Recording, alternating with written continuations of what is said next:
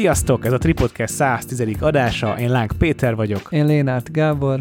Benedek pedig távolról integet nektek és nekünk is. Adásunk támogatója Fujifilm, a Tripont és ti Patreonosok. Amúgy máskor nem is szoktál így felvenni így laptopon, tehát nem a MacBook, Mac pro van Logic csak. Dehogy is, ne, dehogy is. Hát a MacBookon szoktam vágni. Ja, értem. És amúgy jó a Magic Mouse vágásra? Nem. Nem szereted?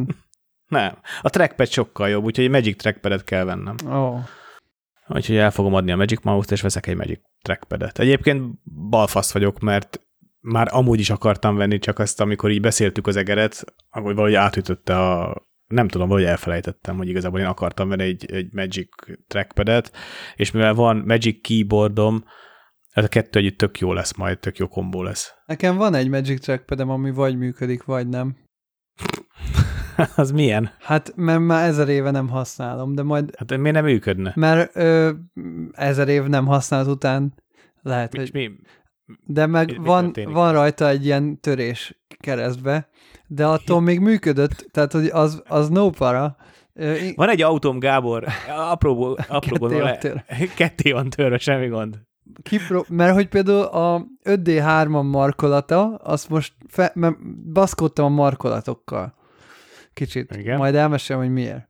És gondoltam, kipróbálom az 5D3-am markolatát, elővettem a fiókba az 5D3-am markolatát, és az Expo gombjára az én teljes biztonsággal gondoltam, hogy működik. Mert miért nem működik? És az autofókusz működik, és nem akar exponálni. Az markolaton lévő expogom. És így álló helyzetben az meg a fiókba álló helyében romlott el köbö. Szóval a visszatérve a trackpadre, ha működik, én ezt x éve nem használom, ez a klasszik elemes trackpad, a legelső. Aha. De neked adom, hogyha ha működik. Hát én kipr- kipróbálnám, kösz. Mert amúgy annó nekem ez a törés ellenére bőven működött, csak egyszerűen már aztán nem volt igényem trackpadre. Megkezdtem, hogy hogy tört el. Fasz tudja már. Mert nem, nem, nem képzelem róla, hogy dühöng, dühöngtél, és az asztal csapkodtad, és a nem tudom. trackpad bánta. Azt nem tudom, hogy nyilván ez a nagyon régi trackpad milyen támogatást élvez a mostani oprendszereken. Hát ezek a másik. De azért mondom, hogy majd kipróbálom én a saját izémen. Jó, de próbáld ki. tudod, ez a... Nem tudom, hogy milyen fajták vannak, megmondom. Hát mert a másik, az újabb fajta, annak az, az ilyen laposabb, és nincs aksia. Vagy, vagyis hát nem elemes, hanem aksis. Vagy, tehát nem elemes, és picit nagyobb méretű, de ez is, ami nekem van, az is kurva nagy méretű bőven. Aha. Én, nekem, én nem értem, hogy miért kell egy trackpadnek nagynak lenni. Ezt amúgy ezt, én sem értem, az akkora fasság. Az a jó, ha pici és, és jó. Igen, igen. Meg, tehát, hogy tök gyorsra fel kell húzni az egeret. Én, én is így vagyok vele, hogy teljesen, de, de én meg nagyon, nekem az egér sokkal jobb, tehát én, én, én sokkal jobban az egér híve vagyok. Viszont ennek semmi értelme, hogy benne legyen az adásba, szóval kezdjük el rendesen. Nem, ez teljesen jó volt. Vagy... A, én egy 2016-os MacBook Pro-t használok, és annak ilyen rohadt nagy trackpadje van, gyakorlatilag az egész alja egy trackpad. Gépelés közben folyamatosan hozzáérek. Tehát ezen nem tudom kikerülni. Ja, azt egyébként azt én, én sem értem, mert nekem olyan MacBookom sose volt, ugye a 16 szoros, meg ezek az újabb nagyok, amiknek ilyen nagyon-nagyon nagy trackpadje Igen. van, nekem mindig 13 colos MacBookom volt, abból is ugye volt egy 10, 2013-as, amiben még pici, meg, pici trackpad volt, és aztán most a M1-es MacBook Air van, aminek szintén pici a trackpadje, és ez egy tökéletes méret. És Aha, én is azt vettem észre, hogy például amikor a tiedet vagy bármilyen nagyobbat használok, vagy akár nem tudom most, hogy a 14 szoros Pro-nak mekkora, de hogy bele ütközik tényleg a kezed a, a, a billentyű, vagy a gépelés közben a trackpad. Persze. De van ilyen, hogy a véletlen érintést kiküszöbölő funkció, de nem működik, mert mert, mert belenyúlsz, és nem, nem, valamiért nem küszöböli ki a véletlen érintést, nem, nem értem. Ja, elvileg van ilyen, de én sem értem. Na és mi van veled?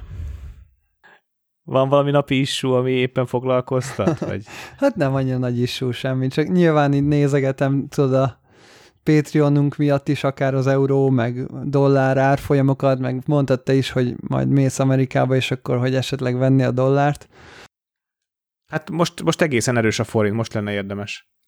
Hát talán igen, de Hát jobb nem lesz. Ja. Tehát... Szóval igazából ez tök durva ez, a, ez, hogy napi szinten nézni kell az eurónak az árfolyamát, meg hogy akkor mikor vásároljon az ember, meg ilyesmi, és meg hogy mikor vegyük ki esetleg a Patreon-t, és hogy pont ezt így beszéltük, hogy az, hogy folyamatosan át kell váltogatni a pénzt, és ezen valaki mindig nyerészkedik, hogy én átváltom a pénzem A-ból B-be, meg az, hogy ö, gyakorlatilag nyilván tudom, hogy vannak bizonyos rendszerek, amiket üzemeltetni kell, de hogy akkor is három, négy, öt platformon kell, hogy átmenjen akár egy bizonyos kifizetés sokszor, és hogy annyira le lehetne ezeket egyszerűsíteni, mert ugye például a kriptónál tök egyszerű, hogy A-ból B-be átküldöd a, az adott bitcoinodat, vagy bármi. Na, jó, hát Na és ezzel meg is válaszoltad, hogy miért nem kerül bevezetésre a kriptó, meg miért ennyire lassan kerül elfogadásra mert hogy teljes iparágak vannak arra ráállva, sőt, kormányok vannak arra ráállva, hogy az euró árfolyamon, meg a dollár árfolyamon keressenek. Természetesen, tehát nyilván a pénzügyi szektor az azon keres pénzt, hogy mozognak a pénzek a világon. Hát meg a kormányok is, hát meg a kormányok is, tehát hogy a, amelyik országban nincs bevezetve az euró, ott full üzérkedés megy szerintem a, a, a nemzeti valutával. Hát hogy ne. Nyilván itt is szeretett kormányunknak elég nagy érdeke volt évekig, sőt még talán most is, hogy Biztos, hogy most is, persze. a forintot, és hogy ja, én, én azért örülnék egyébként, hogyha, hogyha majd a kriptó az kicsit szélesebb körben elfogadott lenne, és ö, tényleg full end-to-end titkosítva lehetne úgy egymásnak pénzt küldeni, hogy visszavonhatatlanul, és senkinek semmi köze hozzá, és Hát csak akkor hogyan ellenőrzöd az adózást? Hát ugye igen, az adózás az egy nagy kérdés, hogy aztán, hogyha esetleg nagyon sokan elkezdenének kriptóval kereskedni, mert betilthatod egy országba, de attól függetlenül még használható. Tehát, hogy hivatalosan papíron betilthatod, de nyilván, mivel teljesen lenyomozhatatlan nagy része, emiatt ö, bárki tudja bármikor használni, amíg van internet hozzáférése.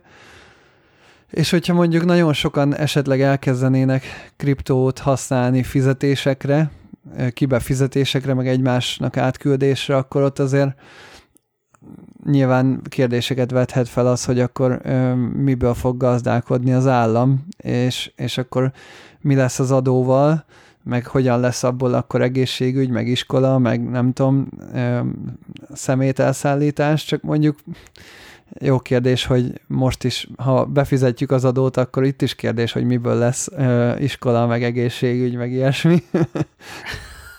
Jó, van, ahol nem az a kérdés, hogy befizeted el, hanem hogy hova kerül. Tehát, igen. igen. Tehát néha, néha nem rajtunk múlik ez a dolog.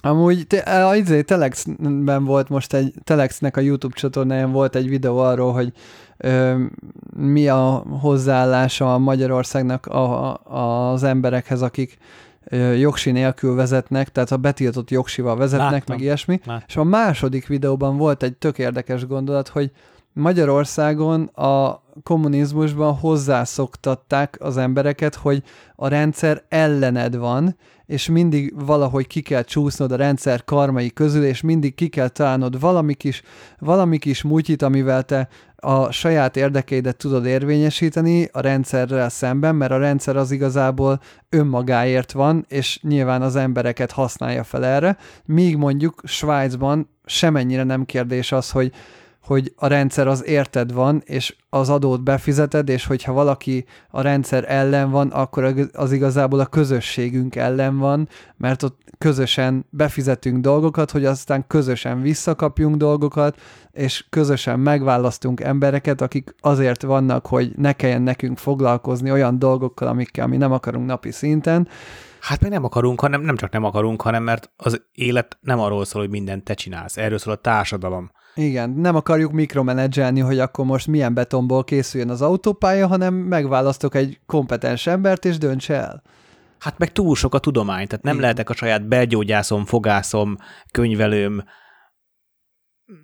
szakácsom, autószerelőm, mert akkor rövid az élet. Tehát, hogy minél, minél fejlettebb egy társadalom, a tudomány, vagy hát a technológiailag minél előrébb jár, annál több szakmára van szüksége. És a politikus is egy szakma itt. Igazából itt outsourcoljuk azt a szervezést, amit mi nem tudunk magunknak megcsinálni. A társasházban is érted, nem te intézed a társasház ügyeit, hanem a társasháznak a közös megbízottja, és a politikus is egy közös megbízott tulajdonképpen. Az kéne, hogy legyen, igen. Igen. De ez a gondolat egyébként nekem is szöket ütött a fejembe, nekem is nagyon tetszett, hogy, hogy tényleg így működik a társadalom, és hogy Magyarországon a jó sok év szocializmus rendesen itt hagyta a szabálykövetésre a lábnyomát. Volt egyébként egy másik érdekes gondolat is abban a Telex videóban, miszerint úgy vezetsz, amilyen ember vagy. Uh-huh. Érdekes az. Az autóvezetés, és ezt én is egyébként megerősítem, az autóvezetés az nagyon jó indikátor annak, hogy te türelmes, empatikus, másokkal figyelmes, beilleszkedő, kooperatív ember vagy-e, vagy pedig egóból gyomod, folyamatosan konkurálsz másokkal, mert elsőként kell odaérned, elsőként akarsz a piros lámpától elindulni, zavar, ha valaki bejön eléd, és ez tényleg nagyon lejön. Ha most, most pont az elmúlt három napban volt három olyan, hogy rám dudáltak, érted? Egy sávváltás miatt. Indexet kirakom, megvárom, hogy le, levillog egyet, kettőt, hármat, és elindulok, és van mögöttem messze egy autó, és elkezd gyorsítani, meg villogni.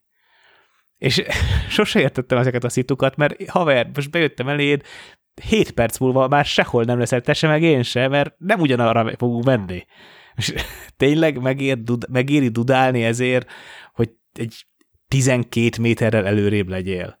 Ja, hát azt én sem értettem. Nem tudom. Tehát a, a dudát, mint eszközt, én, én egyszerűen nem, nem, nem is, nem használom az autót. Jó, azért van annak funkciója, de nem az, hogy mennyi már. Hát, hogy figyelmeztes baszki egy embert, aki nem oda néz és lelép eléd. Erre való a duda. A keresztbe le is van írva, hogy vészhelyzetben használható csak és kizárólag. Tehát nem az, hogy dudá, csajokra rádudálsz, érted, az nem egy legit használat, meg hogy agresszívan ledudálj valakit az útról, mert egy gyorsabban akarsz menni. Hát haver, ez, ez nem így van.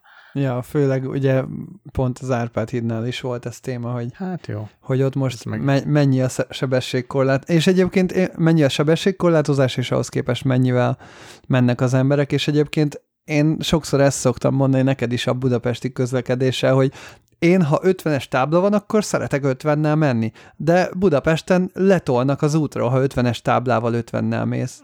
Letolnak, igen, igen. Én ezt mostanában egy két és fél éves én annyira nem tapasztalom ezt a letolást. Aha, jó, hát igen, a Land Cruiser nem fogja a Suzuki Swift-es letolni, persze, oké. Okay. De nem is a Suzuki Swift-esek tolnak le amúgy. Nem, amúgy. Ja, de a BMW is is igazából az van, hogy a vill- hiába villog, igazából igazából az alvázat világítja meg maximum, maximum. Jó, most nem egy nagy pofám van, de nem tényleg, tehát amióta ez az autó van, tök, tök, tök szürreális az, hogy sokkal nyugodtabb az életem, a napi életem, tehát ez a közlekedés. Az is egy szürreális tapasztalat, hogy sokkal lassabban vezetek, mint korábban. Tehát autópályán ez a 90-100, max 110, de inkább 90-100, a város meg tényleg az tényleg full 50-60-70, amennyivel lehet. És nem érek sehova lassabban oda. Tehát nem, nem tapasztalom azt, hogy többet ülnék autóba, vagy, vagy több időm menne el utazásra, és sokkal kipihentebben, sokkal nyugodtabban érkezem meg. Hát volt is erre valami egyszer, hogy kiszámolták, most ez nyilván elég könnyű lenne kiszámolni, hogyha Igen, jó lennék teszem. matekból, hogyha 130 helyett 160-nal mész, akkor így pár percet nyersz egy tök hosszú nyersz. úton is. Igen, ja. Igen. Annak meg semmi értelme, mert a 160 meg sokkal jobban csökkenti a reakcióidődet ezért kell 130 helyett 260-nal menni. Jó, igen, oké. Okay. Mert azzal már tényleg nyersz. Ja, ja, ja. Csak az ja. meg már tényleg úgy lecsökkenti a reakcióidőt, hogy... hát az, az durván. Hát a, a, amikor áthajtottunk azon a szar gumidarabon. Ja, ja, Tehát ja. gyakorlatilag megláttam magam előtt, annyit tudtam, hogy nagyon picit félrekormányoztam az autót, de Hát így is átmentünk rajta. Egyébként az, az, nagyon szeretem az ilyen német autópályás videókat, hogy így mutatják, hogy megy mondjuk a srác 250-nel, tudod, a, Igen? a, ö, külső sávban, és a belső sávban simán elhúz mellette valaki 350-nel. És ilyen ja. iszonyat durva. Hát az nagyon, nagyon... Hozzá kell tenni, hogy nyilván ott is tudni kell, hogy mely szakaszon mehetsz gyorsan, most nem csak szabályszerűen, hanem hogy hol biztonságos, és milyen napszakban. Persze, igen, mert, igen, igen. Mert nekem van egy rokonom, aki rendszeresen jár ki Németországba, nagy távokat megy ki, táv, tárgyalni, egy nagy és erős Audia van, és ő, ő mondta, hogy ő ment vele 290-nel rendszeresen. Hát én, én nem mernék ennyivel menni. Hát már ja. így 40, Meg nyilván az utak mai fejemben. minősége, meg ilyenek azért az más. Hát az így kint az más, kint más. Igen, igen, igen. De úgy ja, durva. De mert az a durva, hogyha jó az autód, tehát hogyha jó a szigetelése, meg a szélzajt, meg ilyesmit nem érzed úgy, akkor nem érzed a 290, mint hogy a, nem tudom, japán vonatoknál se érzed, hogy 500-zal mész, vagy érted? Hát én TGV-vel mentem, nem emlékszem sajnos, hogy mennyivel, de bőven 200 fölött megy a TGV, és szürreális volt. Tehát amikor jött szembe a másik TGV, ilyen fél másod, mert nem tudom hány méter hosszú a vonat, ilyen 100 méter hosszú körülbelül egy olyan TGV szerelmény, és ilyen st, Ja, ja, ennyi alatt ment el az ablakkal igen. szembe. Nagyon-nagyon Nagyon durva. durva. Ja, tehát tényleg, tényleg az kegyetlen. De még mielőtt bevezetik a kriptót, én még mindig jobban örülnék annak, hogyha a fényképezőgépek kicsit jobban védve lennének az illegál use-tól. Tehát, hogyha valamilyen biometrikus módon... Tehát például lehetne bennük ugyanolyan arcfelismerő, mint, a, mint a, az iPhone-okban, vagy az okostelóban. Nem tudom, nem jut eszembe az Apple-nek a VR szemüvegének a neve, Vision Pro Nekem talán. se. de hogy abban ugye már ilyen nagyon-nagyon durván fejlett szemkövető dolgok vannak, és azt a szemkövető technológiát szerintem már, ami az R3-ban is van, az, az most így a százszorosára fejlődik szerintem a Vision Pro á- szenzorai által, és szerintem a Canon azért eléggé figyeli ezt, és egyrészt ugye az EVF-ben lévő szemkövetés szerintem drámaian fejlődni fog, de a másik az, hogy talán van is benne valami iris felismerő cucc, hogy belenézel, ugye, és akkor mi- mindenkinek az irisze az más, és akkor a Mhm. szemed alapján azonosít gyakorlatilag.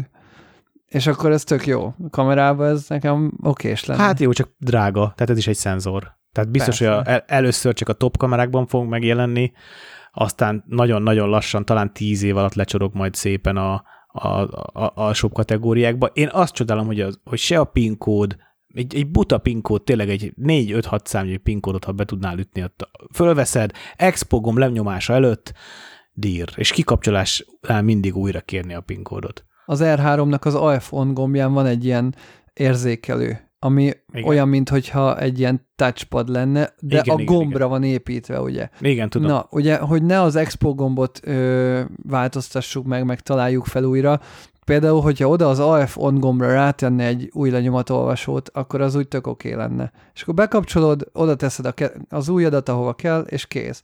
És akkor nyilván lehetne azt, hogy mondjuk munkánál, munkában, amikor kibekapcsolgatod a fényképezőgépet, akkor legyen mondjuk egy ilyen, tudod, hogy be lehet állítani, hogy miután egyszer érzékelte az újadat, mondjuk a következő két órában ne kelljen, vagy valami ilyesmi. Hát vagy kikapcsolásig. Vagy, És hát miért ja, ne? vagy lehetne olyat, hogy mondjuk, ha az Apple kinyitná esetleg az ökoszisztémáját, akkor ugyanúgy, hogy ha rajtad van az Apple watch akkor kinyílik a kamerád, és akkor ha, ha nincs rajtad, vagy izé, akkor meg, akkor meg új lenyomat, vagy valami, és akkor a, Aha. az is tök jó, mert akkor nem kell szarakodni minden egyes bekapcsolásnál. Te, te nézted ezt az AirTag tartót? Most a Smor- Smorik talált föl egy ilyen hatalmas nagy találmányt, hogy Ja. rácsavaroztatod az AirTag-edet a kamerádra, ami oké, okay, tök jó. Csak ezek miért nincsenek beépítve eleve? Na ez a kérdés, igen. Hát most megjelenik egy új, egy, megjelenik egy új fényképező, miért nincs benne egy ilyen kis, kis Ja. to- zseb? Ez a tartó tenni? szerintem olyan furi. Tehát, hogy van, a, van az a kis, ami egy ilyen kis ö, akkora, mint a, az AirTag, egy ilyen kis fém két gyűrű, amit rá lehet rakni mondjuk a cage-re, vagy, vagy egy kamerának az oldalára, vagy bármi. Na hát az így videokamerára oké, okay, de ugye fényképezőgépnél az annyira nekünk nem opció, és akkor van a plate, csak amikor már a tizedik plétet akarod rárakni a fényképezőgépedre, csak azért, hogy mindegyiknek más a funkciója, akkor azért úgy annyira az nem, nem jó. Hát igen. Néztem a plétet én is, hogy, hogy tudnám-e használni, de én például ugye hámot használok, tehát hogy a belebújós hámot, aminek saját ö, ilyen becsavarója van. És akkor rá kell tennem a plétet, és még arra rá kell tennem a, ezt az adaptert, ami be, beakasztom a, a hámot, és az egész egy ilyen nagy bumszli szutyok Ja. lesz a kamera alján. Hát vagy nekem például a tárgyfotózásnál van az L-plate, az L-plate-nek az aljára rá ö, csatlakoztatom a tetőrtúlzos kábelelvezető plétet, majd Igen. annak az aljára mondjuk rátennék egy ilyen small rig plétet, hogy akkor a tertek benne legyen, és még annak az aljára bele kell csavarni a Manfrotto állványcsavart is, és akkor így ott van. Jó, de ezt azért leegyszerűsíted azzal, hogyha a Manfrottót lecseréled, ö, mondd már, mi ez a szabvány. Hát, hogyha a Manfrotto, Arka. tehát egy, igen, csak nem mindent tudod lecserélni, tehát például a fogaskerekes fejre oda úgy kéne, olyat kéne vennem, hogy hogy ö, vegyek ezt az Arcas visszes cuccot, és akkor ott gyakorlatilag a normál állványcsavarra kéne rácsavarnom, tehát a normál Manfrotto plate-nek a tetejére kéne raknom igazából egy konvertert, mert abból nincsen hivatalos Manfrotto megoldás. Egyébként én még egy ilyen small rig cage nem is cage, hanem egy ilyen kis elplétet néztem, ami, aminek nincsen bár ertek foglalata, viszont azt nézegettem, hogy az R62 tök kényelmes, hogyha, hogyha markolat nélkül használom, viszont egy ujjam pont lelóg róla. Aha. És ez a kis plét, ez azt az egy ujjat még pont oda hozzárakja, és van a plét... Nekem ugyanilyen plétem volt a Z6-on. Nem, nem. Ja, nem ilyened volt, mert ennek Hát, a... nagyon hasonló. Ennek az oldalán van egy olyan kis cucc, van egy ilyen kis csavar, amit kivehetsz belőle, és hogyha ö, megcsa- meghúzod azt a csavart egy ilyen 45 fokba, akkor így gyakorlatilag egy mozdulattal le és fel tudod venni az oldaláról az elplétet. Ja, lát. Tehát az elplét az nem kell, hogy mindig rajta legyen a vázadon, Na, az enyém is ilyen volt. mert ugye az a baj, hogy a kihajtós kijelző miatt, ha az elplét ott van, akkor nem tud kihajtani a kijelzőt. Tényleg. Tehát az elplét az csak akkor jó, hogyha, hogyha nem tervezett kihajtani a kijelződet, emiatt azt egyébként is csak olyan fotózásnál raknám fel, amikor így a fogaskerekes fejjel fotózok, viszont alapvetően ez a plate, ez a plusz egy újért, meg egyébként esetleg az adott esetben az elplate funkcióért nem lenne rossz vétel, és akkor nyilván attól függően a kábelelvezetést nem oldja meg ö, tetheringnél, meg, meg ilyesmi, a, arra még azért valamit ki kéne találni, de mondjuk a tether ö, toolsnak az a kábelelvezetős plétje, azon is Arcasvis van, és akkor ha Arcasvis konvertert vennék a fogaskerekes fejemhez, akkor az így már oké, okay, mert ennek a plétnek az alján is van sok csavar, és akkor oda be tudnám csavarni. Meg jól ki tudod szedni az aksiát is, az is ilyen egymozdulatos, ahogy látom. Szóval ö, majd meglátjuk, most megrendeltem már egyébként a gyári Canon markolatot az R62-höz R2-höz? Aha. és igazából 30 napos visszaküldés, kipróbálom, meglátjuk, hogy milyen. Azt vettem észre, hogy azért az R-nél, tehát így hasonlítgattam, az R-nél azért így, tehát jó a markolat, de azért húzza ugye a másik irányba a kezedet, mert ugye jobb oldalt fogod meg a fényképezőgépet, de az aksik, azok meg kicsit így bal oldalt vannak, ugye. És van egy plusz súly akkor a fényképezőgéped alján meg a bal oldalán, ami picit arra hivatott, hogy akkor ott az így kicsit csavarja ki a kezedet, és, és nyilván az a baj, hogy én, én már így inkább a, a 2870 F2-t tartom fejben, és gyakorlatban még nincs a táskában, de fejemben már nagyon ott van a táskámban, és igazából e- ezért gondolkodtam, hogy valami csak kéne, mert szerintem az túl nagyobbi markolat nélkül. Uh-huh. Én három mobival fotózom, 28-as, 50-es, 85-ös. A 28-28 nagyon bejött. De azt vágod, hogy te most coming out-oltál? Hát ez egy ilyen, akinek jó a füle, az majd tudja, Kihallott. hogy azt kihallotta, amit ki kellett. Ö, és akkor mehetünk a következő témánkra, hogy, hogy Akkor viszont mondd már el, hogy milyen az R után az R62. hát az, az R még megvan. Hát azért mondom, Tehát nem, de hogy milyen utána, nem utána, használ. hanem mellé. Na mindegy, de egyébként ö, a, például amúgy most, hogy így válogattam a repülős fotóinkat, azért jó-jó ez a 24 megapixel, vagy menny, 24, de basszus, azért a 30 Kevés. az, az, az, az sokkal részletgazdagabb, és sokkal jobb belezumolni, és azt érzem, hogy hogy nyilván, ha most ö, gazdag külföldön élő fotós lennék, akkor, akkor azért az erőt kettőt jobban várnám. Nyilván magyar fotósként a két milliós árát nem várom, szóval nyilván esélytelen, de azért az, hogy például ne, megnéztem, hogy például egy fekvőképből 16-9-et kroppolni, és hogyha még egy picit módosítasz a képkivágáson, akkor gyakorlatilag éppen, hogy megvan az a 2000 pár pixeled. És az a baj, hogy ahhoz meg full élesnek kell lenni mindennek, és full részletgazdagnak, és egy pici zaj se legyen rajta, hogy akkor a mai, nem tudom, sok ezer pixeles mobil kijelzőkön Instastory-nál ne látszódjon, meg ugye nem csak Instastory-ra vághatunk mondjuk fekvőből állót, és azért, ha mondjuk most ebből akarnál egy fekvőkéből állót vágni, és utána azt kirakni mondjuk egy rollápra, és azt közelről megnézik emberek egy rendezvényen, azt én már neccesnek érzem. Szerintem a nyomtatás minősége sokkal alacsonyabb szinten van, mint a megapixel szám.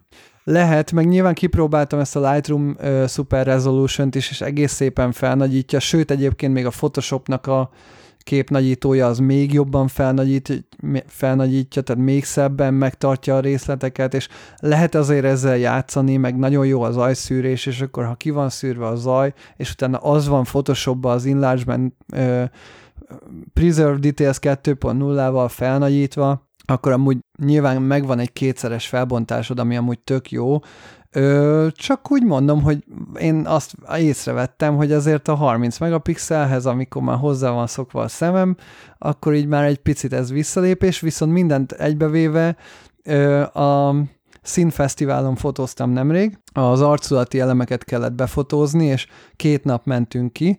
Az első nap kimentünk a grafikussal, meg a kollégájával, hogy kicsit így árdirektorkodtak nekem, meg megmondták, hogy mit, hogy merre, meg átvettük a bérletünket, meg ilyesmi, és akkor be, bementünk még a backstage-be, meg olyan helyekre, ahova már, amikor kinyílik a fesztivál, akkor már nem mehetünk be, mert ott vannak az előadók, vagy bármi, meg ugye nagyon sokan voltak, tehát lehetetlen lett volna befotózni ezeket a, ezeket a dolgokat, hogyha, hogyha az embereket is hozzávesszük, és gyakorlatilag a pósztereket, meg az összes kis uh-huh. grafikát, meg mindent fotóztunk, és ott én az első nap a, az ert vittem el, mert mondom, legyen részletesség, legyen nagy felbontás, legyen stb. Istenem, Gábor, basszeg. A maximálisodból egy kicsit faraghatsz nyugodtan, haver, lezúj rá, nem kell ezt ilyen komolyan venni, igen? Na, és, és egyébként tök jó befotóztam az erre mindent, aztán másnap úgy voltam vele, hogy akkor megyek egy kisebb setuppal, markolat nélkül, R62, meg kiszámíthatatlan volt, mert azt mondták, hogy vannak ilyen LED alagutak, meg LED falak, meg sötétbe kell fotózni, meg nem tudom, és akkor úgy voltam vele, hogy akkor a R62-nek a, az IBIS, a képstabia az akkor jó szolgálatot fog tenni, Hosszabb záridők miatt, hogy a, ne vibráljon a LED, meg ezek. Hát akár igen, meg, meg az volt a lényeg, hogy nappal fotóztuk az elsőt, és akkor esetleg, hogyha azt mondta a srác, hogyha van időm, akkor másnap közönséggel, meg emberekkel együtt lőjek pár éjszakai képet az ilyen Aha. installációkról, meg erről arról, és akkor jó, akkor mondom, elviszem az R62-t, mert mégiscsak jobb az izója, meg a képstabi miatt tök jó, és hát amikor gondolkodtam, hogy mit pakoljak el a 40 fokos napsütésre, és ugye nem kiszámíthatatlan volt, hogy mit fogok fotózni, meg mennyien lesznek, és akkor hát van az alapszett a 35-50-85, de akkor a 85-öst ebből otthon hagytam, mert mondom 85 nem fog kelleni. Akkor előző nap sokat használtam a 35-öst, az egy ilyen jó, viszonylag torzítás nélküli nagylátó, szép a rajzolata, stb. azzal az ilyen nagyobb méretű grafikákat is szépen be lehet fotózni, meg akkor lehet teret mutatni is, meg lehet magát a grafikát is tök szépen mutatni, tehát elraktam a 35-öst. Elraktam az 50-est is, de akkor ez már két tök nagy méretű obi. Várjál, várjál, várjál. Az olcsó 50-est, vagy a Gábor 50-est? Nem, a nagy, a, a nagy 50 50-es, 50 Igen, igen, akkor már úgy voltam, hogy igen. És akkor aztán még minden mellé, mivel kiszámíthatatlan volt, hogy miket kell majd fotózni, gondoltam, hogy akkor még berakom a 2405 F4 uh, is, és így ott tartottam, hogy van három hát tök nagy méretű obim. Hát ez kurva szarú pakoltál. Ja, és akkor ha úgy voltam vele, hogy ha már viszek hátizsákot, és akkor beraktam még az Instaxot is, hogy barátokat fotózzak. És, Persze. és arra jöttem rá, hogy ott izzadt a hátamon, érted, a Lowpro hátizsák 40 fokban, hogy mindez kipipálható lett volna, hogy a vállamon elviszek egy 2870 F2-t, és kész. Jó, R62, 28, 28, 50, 85, és minden, minden, minden. Igen, de az is három obi. Igen, de berakom szépen ügyesen a két obit a Big Design slingembe, és egy gép meg lóg rajtam, aztán csá. És akkor mi van? Igen, és a sling az meg fél oldalas, és a hátam kettő másodperc alatt baszódik szét tőle. De hát könnyű, haver. Tök Hát. könnyű. Semmi nem baszódik szét tőle sehol. Figyelj, a, jó, lehet, hogy nem volt túlságosan jó rám beállítva, meg izé, felvettem két percig ezen a repülős shootingon, a- hogy a 7200 ott legyen, meg ilyesmi, és nagyon-nagyon szétcseszte a tartásomat, de mindegy. De nem a 7200-at mondtam, hogy tegyed bele, hanem a 50-est, meg a 85-öst. Ne, nincs jó tapasztalatom a váll, válltáskákkal. Jó, mondjuk, jó. Ja, és a másik dolog, amit észrevettem, hogy ö, ugye a markolat az mindig előre húzza az obit, meg én sokszor nyakamba tartom, és Várjál, várjál, egyébként félvállon hord, van, volt, hogy keresztvedóba hordtad. A slinget. keresztbe, azt hiszem. Ha. Na, és hogy most kipróbáltam azt az R62-el, hogy mondom, ha már markolat nélkül van, meg tudtam, hogy úgyis ilyen kicsit mindig nálam kell, hogy legyen, hogy a leash vittem el, és azt keresztbe be- felraktam, és itt jött be a dilemmám, hogy lehet, hogy nem is kell markolat, mert így ö, beraktam a Peak Designnak azt a nagyon pici kis pöttyét alulra, és akkor így azt csináltam, hogy a, raktam még egy ilyen anchor pointot gyakorlatilag a gép aljára, és akkor a gép markolata oldalán, meg a gép legalján két ponton úgy tudott csatlakozni a lísem, hogy szépen ráfeküdt lefele nézve az obival az oldalamra ugye a váz. Igen, ahogy ez ki van találva. Igen. És ha viszont markolatom lenne, akkor ez ugye nem működik. Aha. Mert akkor ott már az más az arány, meg más az egész, meg Persze, nem jön az úgy ki. nem működik. Na, és hogy ezen gondolkodtam, hogy lehet, hogy végül is a leash miatti ilyen fajta tárolással ez nem is rossz így. Hát meglátjuk, mert közben én amikor meg dolgozok, akkor meg a nyakamba van, és akkor meg tök mindegy, Ah. akkor meg még jobb is a markolat, hogy nem ilyen hülyén lefelé húzza az obi. A tartásodat elrontja a sling táska, ami egy pici táska két kis obival, de a kamera egész nap a nyakadban és ez nem zavar. Hát az annyira nem, meg az nem leash Hát, van de hát- nyakamban, hanem ilyen nagyon puha, nagyon vastag, nagyon kényelmes. Tök mindegy, de a- az mindegy, hogy vastag. Hát a gerincedet akkor is a nyakadnál fogva terheli. Igen, de szimmetrikusan terheli, nem pedig egyik oldalra. Aha. És az nagyon más. Fura vagy Gábor, de ezt tudjuk rég. Olyan, mint a hátizsák versus oldaltáska, az is nem mindegy. De oldaltáskával semmi baj nincs, amíg nem nehéz. Na jó. A, a sú- súly a kérdés. Tehát a nehéz oldaltáskák azok offosak, de hát el is szaladt fölöttük az idő. Szerintem új oldaltáskát nem gyárt egyik gyártó sem. Hát, Igen. nem tudom. Ilyen sling méretű, ma- bár de, mert ott De van a piktek is vannak nagy táskái. jönnek, azért vannak. Messengerek. Ja. Visszatérve, két dolog még akkor gyorsan, hogy mióta tényleg Cipruson használtam a 2870 F2-t, azóta bármilyen, én, bármilyen új tárgyat vásárolok, előtte mindig elkezdem figyelni, hogy mikor van tényleges hiánya, és hogy mikor van az, amikor ó, akkor most megint használtam volna. Ó, de jó, ez most, most megint jól jött volna. És már három fotózás volt, amire azt mondtam, például ez a fesztiválos is, hogy nem kellett volna obit cserélni, akkor volt egy másik ilyen kisebb családi fotózás, amit csináltam, és ott is nem tudtam, hogy mire számítsak, 35, 50, 85-öt elvittem, és visszatekintve utólag bőven a 2870 F2-vel megoldottam volna, és hogy már most több alkalommal öm, felismertem azt, hogy ú, basszus, így utólag visszanézve, ezt az egész fotózást most egy jobbival megoldottam volna, hogyha lenne 2870 F2-m. És azért az, az nagyon, nagyon sokat segít, ha nem kell vinned hátizsákot, csak tényleg konkrétan a válladon van az obi. Jó, jó, jó. Hát majd, majd, majd meglátjuk, hogy amikor a válladon lesz az obi, az a rohadt nehéz obi, akkor mennyire fog zavarni. Hát hogyha- igen, ez jó kérdés. Mert azért azzal nem mozogsz annyira virgoncon. Nehéz is, drága is, vigyázni kell rá. Nekem, nekem ez az egy bajom van vele igazából. Tehát a, még a 85-ösem is kisebb, mint a, mint a 2870 F2, és már az is elég zavaróan nagy. Hmm. Nem tudom, hogy mennyivel nagyobb egyébként. Nem hiszem, hogy sokkal. Nekem a, nekem a 28-28 volt, az a, a, a, amióta az megvan, szegény 16-35-öt alig használom, ma, ma mondjuk pont használtam, de, de imádom. Tehát Uh-huh. rendezvényen a 28-50, 28-85, vagy 50-85 kombó, ezeket szoktam így kom- kombinálni, ez csodálatos, imádom. valahogy sokkal jobban kiadja nekem, mint a 35 milli, ami tök furi, de például majd, ha az X100V-m visszajön a szervizből, és ak- akkor meg tudom csinálni azt, hogy a 28, 35, 85 mm. lóg a nyakamba három géppel. Még esetleg ránézhetnél a 24 1.8-asra is. Aha. Az is ilyen olcsó STMS verzió? Hát olcsó, 300 ezer forint, de STMS ah, olcsó. Na, semmi szükségem, arra semmi szükségem. Semmi. Ott van a 1635, ami a nagylátót lefedi, tökéletes. A következő obi az a, 30, a 135 per 2 lesz. Uh-huh. Arra majd néz rá egyébként, hogy van a, valószínű a 135 F2 is. Ja, az 1.8-as RF-re gondolsz? Hát nincs rá most pénzem, de az lenne az igazi, de valószínűleg egy használt F2 lesz a nyerő. Mert a használt F2 az valószínűleg lassabb lesz. Egyébként ezt az R6-2-el most tapasztalom először. Ö, ugye az R az még minden egyes obit pont ugyanúgy hajtott meg, mint ahogy mondjuk az R-re fobikat is meghajtja, mert maga az R-nek nincs olyan sebessége. Értem. Viszont az R6-2-nek már van olyan sebessége, amivel már bizonyos obik nem tudnak lépést tartani. Itt a sorozatra gondolsz? E, igen, a sorozatképre. Én nem nagyon, nem nagyon fotózom sorozatba, úgyhogy ez nekem ez nem probléma. Tudod, a Nikonnal használt, Nikonnal fotóztam sorozatba, hogy meglegyen az élesség, de Aha. az erre nem nagyon kell.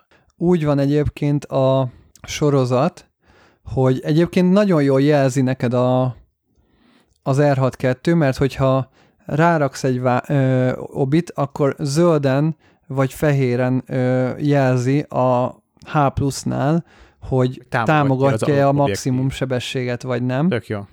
És hogyha zölddel mutatja, hogy minden oké, okay, akkor ugye 12 FPS tud mechanikusan a H+, viszont hogyha white a cucc, tehát hogyha csak simán fehér a, az ikon, akkor 9,2 kép per szek. Atya úristen!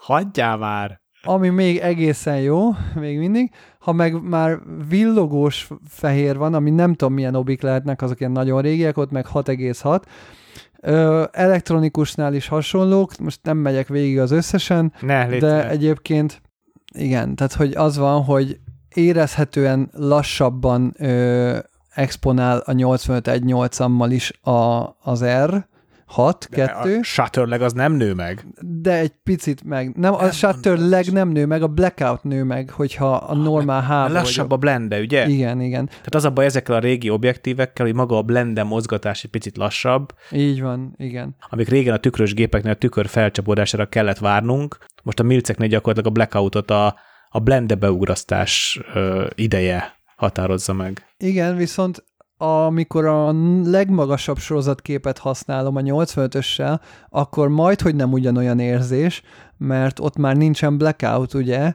hanem ott összehúzza a blendét, és összehúzva marad, amíg nyomva tartom a gombot. Tehát ott az történik, hogy beugrik a blende, és nyomod a sorozatképet, és akkor igazából beugrasztva marad. És úgy fókuszál. És úgy fókuszál egyébként. Mint egy régi Sony. Hát úgy, ja, nem tudom. Ajjaj, és ez jó? Uh, faszt úgy, nem tudom. De ezt csinálja, viszont a, a normál üzemmódban, amikor ö, kicsit lassabb sorozatot használok, akkor meg egy icipicit azért lassabbak a blackoutok is, de hát az van, hogy én akárhogy nézegetem, és akármilyen jó ára is van az RF 85 F2-nek, én nem hiszem, hogy le fogom cserélni az 1.8-asomat rá mert ö, egyszerűen nincs olyan, nincs olyan képe.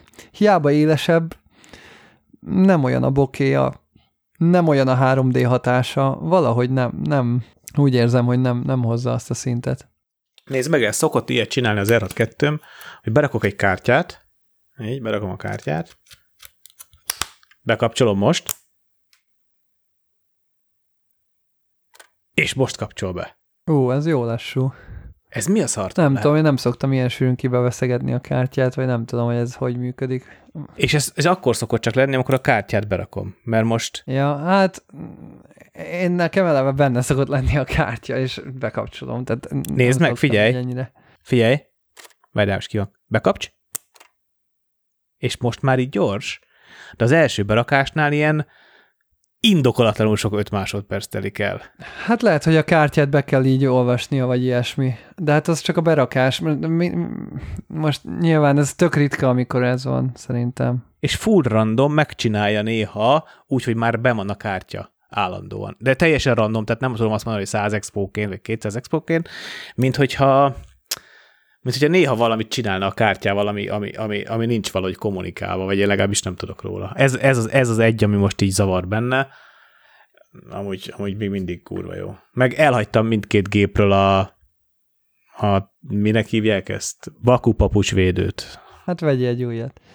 Egyébként mm, rendeltem két darab 256 gigás SD kártyát is, mert észrevettem, hogy a gyors sorozat az nekem az ujjamat nem lassítja, hanem Ú, hallod, annyit kattintok mióta, tehát hogy annyival komfortosabb, és annyival gyorsabb, és végre, tehát annyira jó, hogy tényleg én kontrollálom a gépet, és hát ja, azért viszi is a kattintásokat nagyon, és ja, tök durva, most megnéztem, a múltkori adásban nem beszéltük, hogy az ennél a repülős projektnél 9600 képet lőttünk, vagy mennyit, és belegondolsz, hogy 100 képet kell leadnunk, tehát ezrenként tizet kell összesen. Igen, de ebbe beletartozik az, hogy full amatőrökkel dolgoztunk, Igen, és bár az előző adásban elmondtuk, hogy mennyire aranyosak és uh, szolgalelkűek és profik voltak olyan szempontból, hogy, hogy, hogy folyamatosan... Hát nem volt egyszerű válogatni, azt kell mondjam, igen. De ugye ott voltak folyamatosan, meg oda tett, igyekeztek oda tenni magukat, de hát amatőr emberek, akik nem szoktak a kamerához. És azért minden egyes szituációban, én ahogy néztem, az első száz kép totál használat, vagy 50-100 kép totál használatlan volt, mert Hát azért mondom, hogy ezer képenként tíz képet tudunk kiválasztani. Mármint, hogy nyilván többet fogunk tudni, hogyha most a száz képet akarjuk átadni, de majd többet fogunk átadni egyébként. Csak Jó, az, de... hogy mint érdekesség, hogy egy nap alatt ketten 220 gigát előttünk igazából. Igen, de még azt is tett azért hozzá, árnyald a képet, hogy tegyük fel, te csillagoznál. Ugye én úgy fotózom, a legjobb képek öt csillagot kapnak, egyel kevésbé jók négyet, egyel kevésbé jók hármat, egyel kettőt, és egy, és vége. És hogyha a, most leválogatnád ezt a 9000 valahány száz képet, és utána úgy, ahogy van az négy és öt csillagos fotókat törölnéd, és megtartanád az egy-kettő-három csillagosokat, még abból is meg lenne a száz kép. Jó, oké, okay, igen, persze. Tehát, hogy itt, itt azért nyilván itt a digitális technika, meg az, hogy ebbe szocializálódtunk, az, hogy a, az, expon, az exponálást használjuk modellkommunikációra, tehát maga az exponálás az egy ilyen megerősítő, hogy igen, jó, amit csinálsz, és csináld még, és mindjárt jó lesz, csak még egy picit állíts. Meg én sokszor biztonság kedvéért kattintok, hogy van egy pillanat, ami közepesen jó, de mi van, hogyha ennél rosszabb lesz, akkor inkább megkattintom ezt, mert van, amikor ilyen amatőrökkel még, még, még rosszabb felé megyünk, és akkor inkább még megkattintom ezt, ami, tehát én kicsit úgy használom a, az export, mint, hogyha, mint a pislogás, tudod, hogy így ilyen tök ösztönszerűen mindig így rá nyomok, mint hogyha így, oké, okay, akkor ezt is elmentem, ezt is elmentem, oké, okay, jó lesz ez is talán. Tudom, neked mindig problémád van azokkal a fotókkal, amikor amikor azt érzed, hogy a modell tudott arról, hogy fényképezik. Én nekem ezzel nincs gondom. Van egy ilyen érzés benne, de ezt ne, nehéz megmagyarázni, ez, ez, ez elég leegyszerűsítő mondat, de értem, mire gondolsz amúgy. De hogy ez szerintem, hogy a másik tudja, hogy fotózzák, ez erős is tud lenni. T- e, igen, persze. És én valahogy inkább abban látom a fejlődésnek az útját, és én magam abban keresem a fejlődésemnek az útját, hogy ne elkapjam azt a pillanatot, tehát ne sorozattal kapjam el azt a pillanatot, hanem megteremtsem, és, és azt az erőt keressem, amit, amit ezzel a kommunikációval, azzal, hogy a másikkal tudatom, hogy most fényképezünk, és szülessen meg az a közös, közös vibe. De tudom, hogy te is törekszel erre, de hát ezt amatőrökkel mm. nagyon-nagyon nehéz megcsinálni. De, de mondom, én mióta az R6-ot használom, sokkal kevesebbet sorozatozom, mert az Z6-tal kellett többet lőni, hogy meglegyen az éles, az R6-tal ilyen problémám nincs. Egyébként egy másik barátunk is, és most váltott Z6-ról R6-ra, és ő például azt mondta, hogy neki csalódás a zaj, és csalódás a dinamika, hogy a Z ebben jobb volt. Én, én annyira nem érzékelem ezt, nem, nem érzem drasztikusnak, de ő neki, neki feltűnt. Meg ha most a mért, ha a mért dinamikát, meg a mért zajt nézzük, tehát hogy a laboratóriumi méréseket, abban lehet, hogy jobb a szenzor, viszont Aha. a szubjektív dolgokban, ami szerintem kicsit így inkább a színek, ott viszont szerintem jobb a Canon de Aha. nyilván ez ilyen ízlés kérdése, meg nyilván mindenből ki lehet tekerni mindent, de én sosem érzékeltem azt, hogy például a Nikonnak a bőrszínei felérnének a Canon bőrszíneihez. Minden másban így oké, okay, meg zöldeket így hozza. De hát ezt annyiszor megbeszéltük már, hogy, hogy a, amióta a Nikon Z rendszer van, azóta a Nikonnak a színei nem olyanok, mint amilyen tükrösök voltak. Uh-huh. Tehát a 850 volt az utolsó jó színű Nikon szerintem.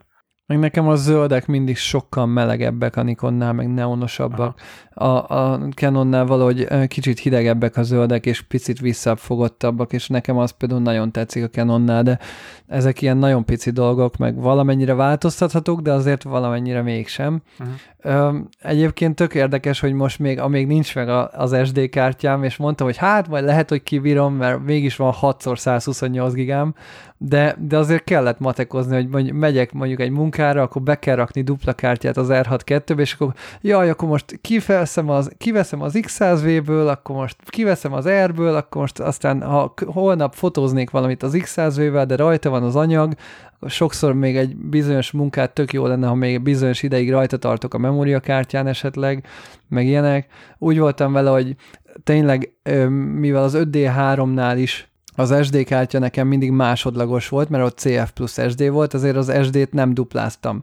Mindig fele annyi SD-n volt, mint amennyi kártya tényleg kellett. Aztán az R-nél is ugye egy kártya foglalat volt, tehát ott sem kellett dupla SD. És most, hogy dupla SD van, hát tényleg azért vásárolni kellett, mert tényleg fele annyi SD-n volt, mint amire valójában szükségem van.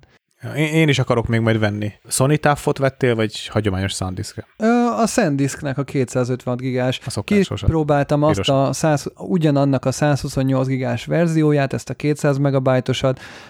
Kipróbáltam a legdurvább 4K 60 FPS-es felvételi minőségben, hogy meddig bírja a kártya, és tök jól bírta, tehát hogy igazából a, ha a maximum sebességet hozza, amit fel tudok venni az R6-2-vel videóba, akkor ennél gyorsabb nem kell, és akkor... Nem a gyorsaság, nekem a szétesés még mindig a problémám. Jó, Tehát az... ezek a kártyák, ezek egy idővel szétesnek, és mindenkinek szétesnek. Csak annak nem esnek szét ezek a kártyák, akik nem használják rendszeresen. Hát de például az egyiket fixemben tarthatod akár aha, aha, adott igen. esetben, de...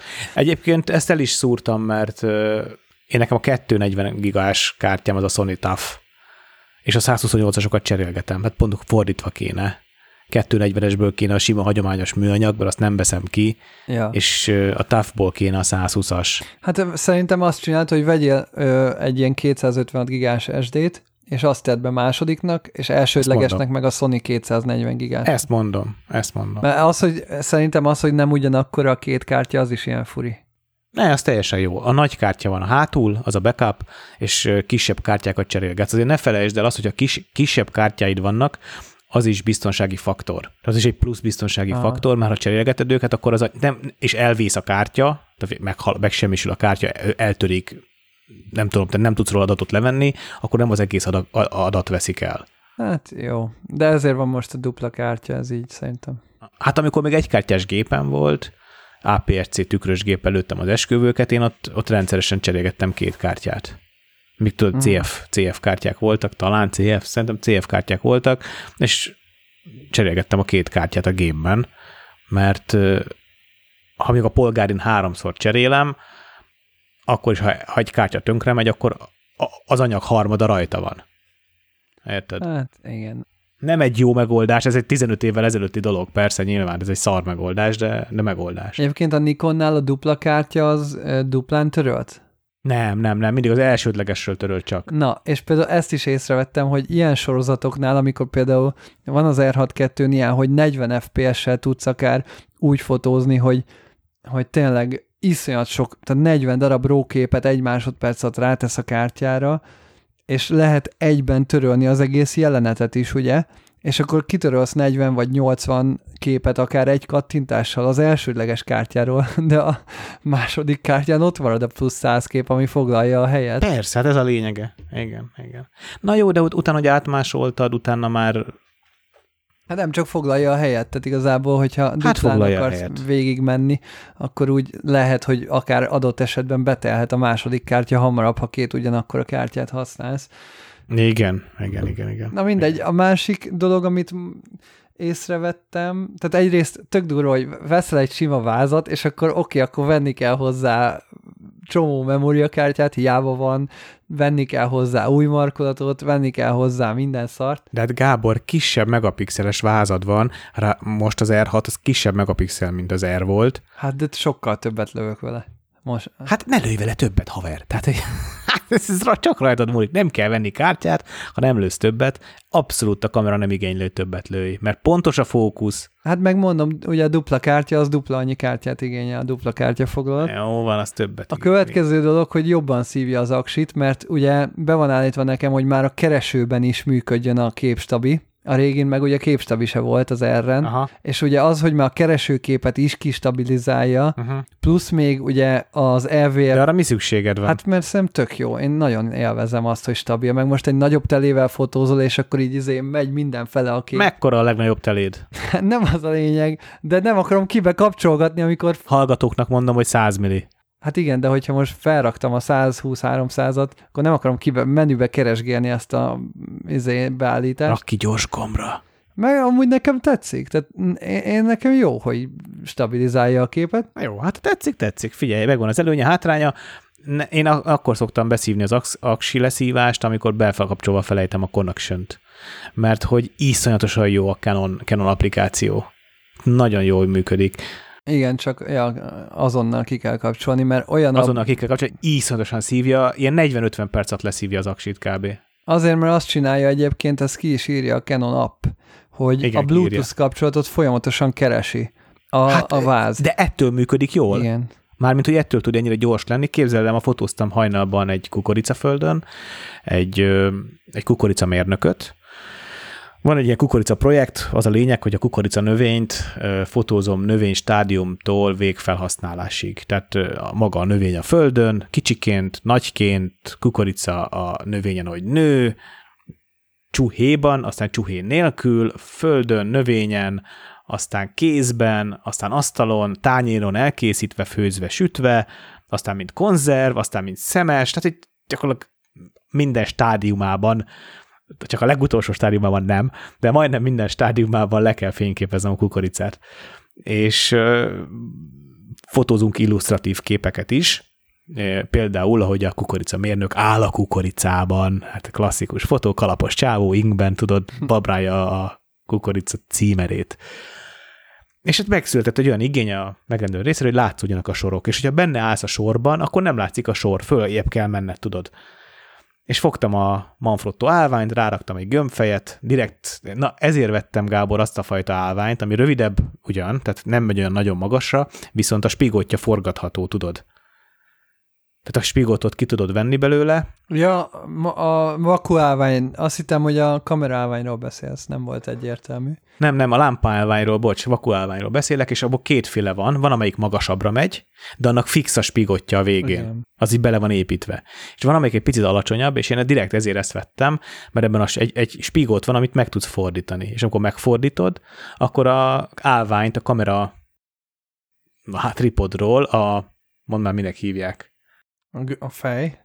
a fejet, igen, a gömbfejet le tudod venni, és rá tudod rakni a kamera, a, Hát De ezt a normára is rá tudod, vagy van csomó konverter, meg minden. Hát csak nem kell konverter, hanem csak simán megforgatod a spigotot, és ott van rajta. Aha. Tök, tök praktikus. És akkor ráraktam a 3D félt a lámpaállványra, jó fülkültem három méter magasra, csatlakoztattam a telefonommal, odasétáltam az emberhez, mutattam, hogy fogd a kezedben, mint hogyha mint hogyha valami tab, izét néznél, ott lefele nézni, úgyis a testeddel tekarod, és akkor be tudsz állni úgy, ahogy szeretnél. Beállt úgy, ahogy szeretett volna, akkor visszakértem tőle a telefont, és mondtam neki, nyugodtan rá is exponálhat, ha akar, ha tetszik, amit lát. De visszakértem a telefont, és akkor így leinstruáltam, és, és lefotóztam. És annyira baromi kényelmes volt, hogy bekapcsolom a fényképezőt, bekapcsolom az appot, és akkor láttam, hogy a másik, két r van, ugye r 2 van, és a másik van alapértelmezésben, és egy tök ügyesen meg van csinálva az app, hogy simán csak odébb húzod a kamerát, tudod, van egy lista felül, uh-huh. és azt is szépen lapozni tudod a hüvelykujjaddal jobbra-balra Ja. és átlapozol a másik kamerára, rányomsz, hogy connect, és meg connectel is. Nagyon jó. A- annyira in- intuitív az egész. Gyorsabb is egyébként a vezeték nélküli továbbítás, tehát én kipróbáltam, hogy a laptopra mennyire gyorsan továbbítja vezeték nélkül a képeket az R-hez képest, és Aha. Ugye az R62-ben már 5 GHz-es Wi-Fi van, még az R-ben nem Wow. 5 GHz-es volt, és gyorsabban is küldi át a képeket amúgy. Meg lehet, hogy csak azért, mert kisebbek a képek, nem tudom, de, de gyorsabb. Nem, amúgy nem. Hát figyelj, a processzorok sebessége, az adatkapcsolat sebesség, ezek mind-mind nagyon számítanak, és az, hogy a gépek, két gép között van négy vagy öt év, ez nagyon sokat Ja, számít. Ja. Más a wifi szabványja, mondtál az 5G-s, sokat Na de nagyon. visszatérve a aksi szív, szíváshoz, tehát hogy jobban szívja az aksit, úgy voltam vele, hogy tök jó lenne akkor még néhány aksit venni, annak ellenére, hogy van nyolc itthon, de, Mindenképpen. de ö, Hát több aksi kell, mint amennyi kártyád van, úgyhogy most, hogy vettél kártyát, kell még aksi. Úgyhogy megjelent a Small aksi, a, ami USB-C-vel tölthető, közvetlenül magába az akkumulátorba be lehet ugye dugni az USB-C-t, és akkor kértem is a Tripontól tesztre, hogy akkor megnézném, hogy mit tud, és tegnap le is teszteltem, kiraktam egy állványra az R62-t, és elindítottam rajta 4K 30 FPS-es videót a legjobb tömörítéssel, hogy minél gyorsabban leszívja, és 1 óra 45 percet bírt a Smorig aksi, 2 óra 6 percet a gyári. És nyilván a gyári az egy vadonatúj Canon aksi, ugye, ami a géppel jött, uh-huh. tehát ö, az is majd előbb-utóbb degradálódik, de nyilván a Smorig is, de hogy gyakorlatilag 20 perccel tud többet akkor ezek szerint a gyári, mint a kis Smorig, ami nekem így oké. Okay.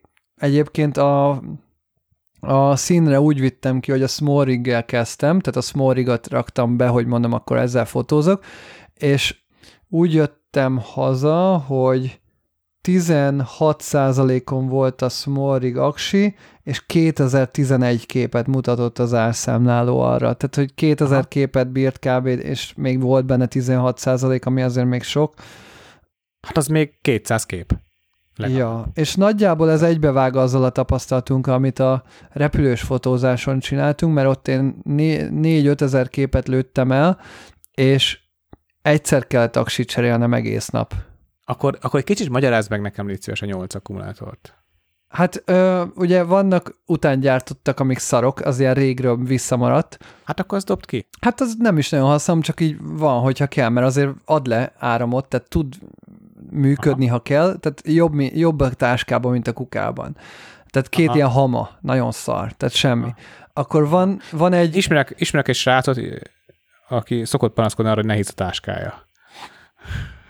Mit, mit gondolsz te erről? Hát... Mondjuk a kártyákat oké, okay, azok nem olyan jó. nehezek, de a két aksi azért fölösleges súly akkor, nem? Akkor van, van egy, ami már így most persze beszámoltam, de egyébként kb. nem működik. Ez az első, leges-legelső Canon aksim ever, ami már annyira piros lett, hogy már így izé semmi, fel se veszi a töltét. Na, segítek, azt se vidd magaddal sehova. Jó, az, már, az amúgy már télkuka. Akkor van két olyan aksim, ami gyári Canon, és azok jól bírják, de az egyik abból piros, meg van egy tök új Canon aksim, meg van most még egy új Canon aksi, és még van három Hánel is, ami meg Hánel, aminek meg az a hátránya, hogy nem tölthető azt hiszem USB-C-ről, de ezt majd leellenőrzöm, és a Hánelt is le fogom tesztelni, hogy akkor az mennyi videót bír, de úgy vagyok, hogy 19 ezer forintért még ez a Smorig, ez egyébként még belefér, meg tök fán, hogy ö, másfél óra alatt feltöltötte a MacBookom töltője, a, a Smorig aksit úgy, csak rádugtam, ami egy utazáshoz szerintem tök király, hogy akkor nem kell vinned magaddal a Canon töltőt. Hát meg a Smorig aksiaihoz lehet vásárolni olyan töltőt, ami USB-C-ről tölti a két aksit.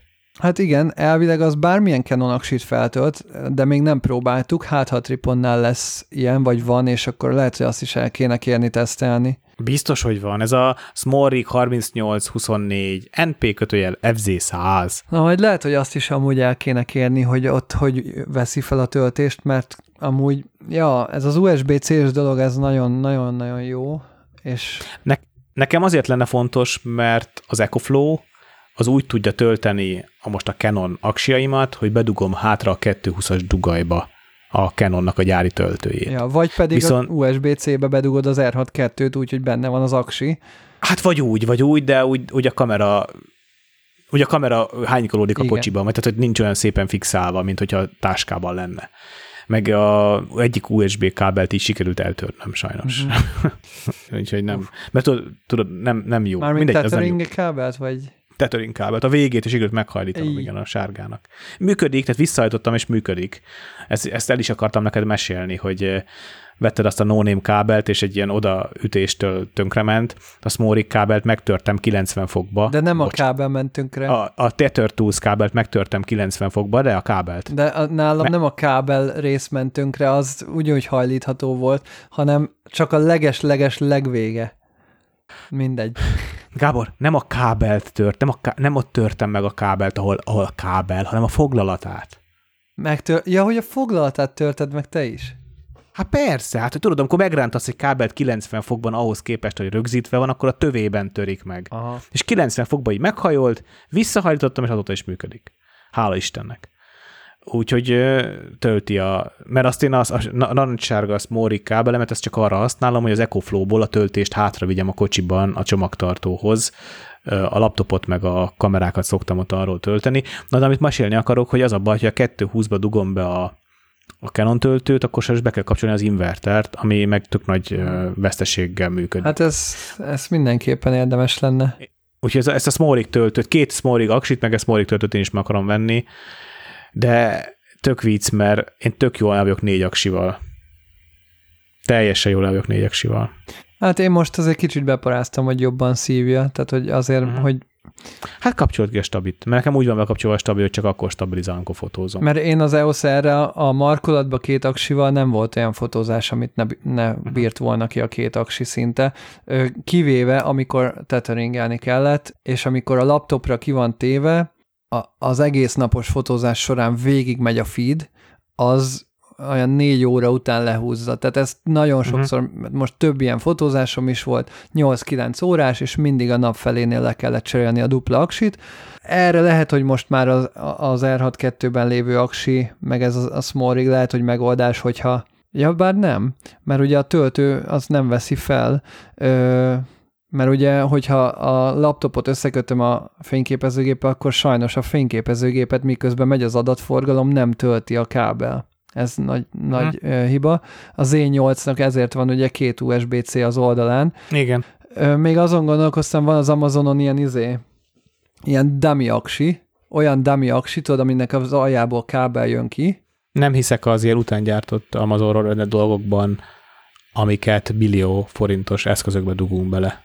Nem tudom. Egyszerűen nekem nem éri meg. Nem éri. Tehát, tehát én ebből csak gyárit vennék, Gábor. Tehát az alaplapcserét De szerintem, ö, szerintem gyári ilyen dummy aksi, ami azt akartam, hogy olyan aksi, hogy a kábel, ami kijön a végén, az USB-C-s. Persze, ismerem. Nem vágom, tudom, hogy van de ilyen én nem, én nem kockáztatnék meg egy amazonos terméket, amiben van egy rossz minőségű töltésvezérlő, ami ha tönkre megy, akkor az egész alaplapot bánhatja. Én, én ezt nem Lehet, kockáztatnám. nem tudom.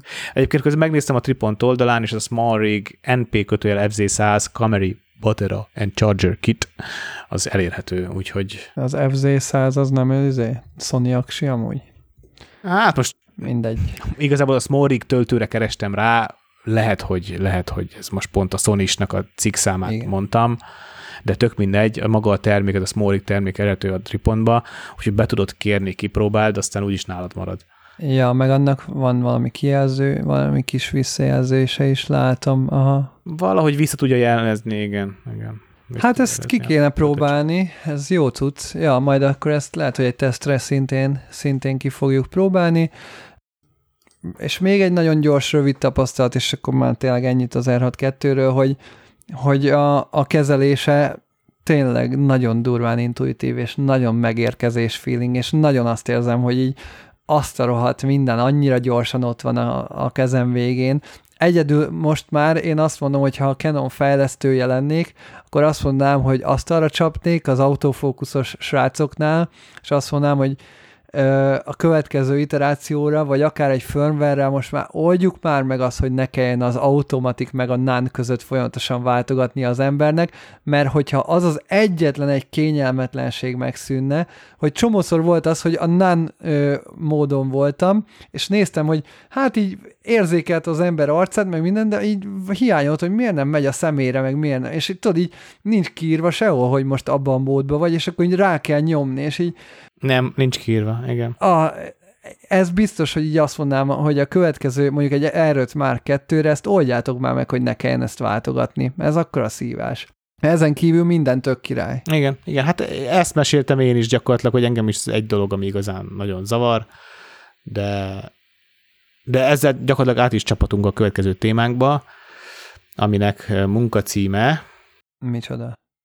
Hát, amit te hoztál témát. Ja, ja az. az. Vagy, vagy, vagy beszélgessünk még előtte a kiállításokról? Már voltam fotókiállításon. Na, beszélgessünk arról. Voltam a Pictorial, Pictorial Kollektív Petőfi kiállításán, ami arról szól, hogy az elmúlt két, két és fél, öt évben, nem emlékszem az adatokra, a Pictorial Kollektív fotósai a Magyarországon a Petőfi utcákban élő embereket fényképezték. És azt vettem észre, Gábor, képzeld, hogy engem rettentően zavar, amikor egy fotó nagyon riportosra van feldolgozva. Tehát nincs igényem arra, hogy egy kép az rommá legyen editálva, de nagyon zavar az, amikor ilyen full nyers egy kép. Hát van egy stílusa, igen. És, és, és azzal én nem tudok sajnos ilyen rettentő módon, nem tudok bevonódni valahogy a fotókba. Hát, mert itt a téma a lényeg, nem a fotó. Igen, de, de ugye itt több fotós van, és a, a több fotósnak különböző feldolgozási stílusa van, és egyik másiknál zavar csak igazán az, hogy, hogy ilyen túl riportos, és így nem tud vele mit kezdeni a szemem. Tehát így várnám, hogy haver, valamit csinálj már vele még. Ezt az érzést én is, én is szoktam sokszor érezni, és ne, nem tudom, hogy ez honnan jön, hogy... Aha, ha, én se. De nyilván szerintem onnan jön, hogy mi a fotózást úgy tanultuk meg, én például úgy tanultam meg a fotózást, hogy nem feltétlenül a témát vagy a művészeti felfogását kezdtem el tanulni, hanem mondjuk Flickeren néztem képeket, és ami szép volt, vagy ami vizuális volt, az tetszett, azt kezdtem el utánozni, és a, a vizualitás, ami alapvetően engem például a fotózásban megfogott, nem pedig mondjuk egy adott társadalmi témának a feldolgozása, vagy az, hogy mi az, amit egy képpel el lehet érni, vagy ilyesmi, hanem én nagyon sokszor tényleg ö, úgy vagyok vele, hogy egy képnek, egy képnek tökre van létjogosultsága csak azért, mert jól néz ki, mondani való nélkül is. És lehet, hogy az van, hogy amikor látok egy olyan képet, aminek bár van mondani valója, de vizuálisan meg ö, nem ér fel oda, ahova szeretném, hogy felérjen, vagy, a, vagy ahova már láttam más képeket, amik vizuálisan meg nagyon tetszettek, akkor így összehasonlítom valahogy tudat a kettőt, és azt mondom, hogy hát értem ennek a témáját, de az a másik kép, amit a nem tudom, Anni Libovic lőtt a nem tudom milyen színészre, az így annyival szebb volt, tudod. És akkor így a szépség mentén ezen a skálán értékelem a képet, és ott elvérzik nyilván a riportfotó. Kicsit ahhoz tudnám hasonlítani, amikor egy étterembe elmész, megrended a kedvenc táladat, amiben van, van egy kis hús, vegyes köret, sali, mit tudom én, szószok, nem tudom. Majd ugyanezt megrendeled, és megkapod papírdobozban. És ilyen befejezetlennek érzem a dolgot, ugyanolyan finom, leszámítva mondjuk, hogy a futár 20 perc alatt ért vele oda, és lehet, hogy kicsit kihűlt, ugyanolyan finom, tök jó a téma, de valahogy befejezetlen a cucc, és a, Hát a becsomagolás az lehet, hogy más kérdés, de igen, értem. Tehát... Nem a becsomagolás, hanem a tálalás módja. Mert végülis ugyanazt látom a képen, benne van az effort, megkereste a témát, odament, feldolgozta a témát, lekommunikálta, megé- meg- megértette, miről van szó, bevonódott, elkattintott, a fasza a kép, de nincs kitálalva elém, és ez én, én valahogy utó, itt, itt a report fotónál az utómunkát valahogy a tálalással tudom uh-huh. azonosítani. Bár, bár mondjuk értem én, hogy egy másik aspektusból a tálalás az mondjuk a prezentáció, tehát például, hogy tévére rakod, ha, vagy igen. printeled, az is egyfajta tálalás, értem. Lehet, hogy nem annyira tökéletes a példa, de, de nekem ez egy picit hiányzott, és tök érdekes, hogy kicsit bűntudatom is volt miatta. Tehát, hogy ott állok, értékelem az egész anyagot, és ajánlom is, hogy nézzétek meg, de, de hiányérzetem van. És egy apró kis fun fact, láttunk egy ázsiai csajtot sétálni egy nagyon fura színű pólóban. És nem sokkal később, ott volt, érted, szemet szúró volt. És nem sokkal később nézem, hogy van ez a, van ez a körmös csávó, ez a Crystal Nails, vagy nem tudom, ez a nagyon gazdag ferrari ember. Aha. És ő is szerepel a Petőfi, Petőfi népe sorozatban, és nézem, hogy szelfizett a saját fotójával, és ott van rajta az ázsiai csaj. Ez egy ennyivel, ennyivel kerültük csak el az embert, nagyon kíváncsi lettem volna rá. Sajnáltam nagyon. Kérdekelt volna, hogy milyen, milyen karakter élőben. Egyébként, ha már a képfogyasztása, ö, elvileg ebből a Petőfi utcánk népe című sorozatból készülni fog egy fotókönyv is, hogyha esetleg egyrészt valaki lemarad a kiállításról, vagy ha valaki esetleg fotókönyvként szereti a fotókat fogyasztani, és erre indítottak is egy ö, ilyen közösségi gyűjtés jellegű dolgot, ahol gyakorlatilag, ha azt nézem, hogy a célösszeg 3,5 millió forint, és hogyha ez teljesül, akkor megvalósul a, a fotóalbumnak a létrehozása, és ahogy látom, olcsóban is lehet venni gyakorlatilag ezáltal a könyvet, tehát ha támogatod, akkor mondjuk 25 ezer forint helyett, ha mondjuk most betámogatsz 20 ezer forintot, akkor 25 ezer helyett 20 ezer forintért a tiéd lesz a, a fotóalbum, és hát már egy millió kettő igazából összegyűlt rá. Amúgy nem tudom, mennyi könyvet fognak megcsinálni, meg gondolom akkor self-publishing, de azért 3 millió 500 ezer azért jó, biztos egyébként drága a könyv megcsinálni, nem tudom hány könyvre elég ez, mondjuk 200 darabra, talán 300-ra, mert sokkal több nem hiszem, hogyha 20 ezerért árulják. Ö, elég limitált végül is, ha úgy nézzük, de lehet, hogy 300 könyvnél több nem is kell el Magyarországon ilyen is ö, témában. De egyébként ez viszont tök szimpatikus, tehát hogy nekem ez tetszik.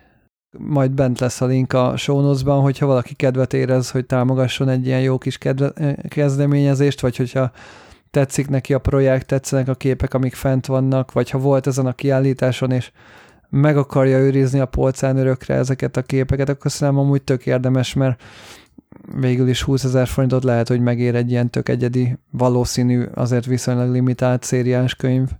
Ja. Keresétek meg a linket a show notes és támogassátok a projektet, ha nektek is tetszik.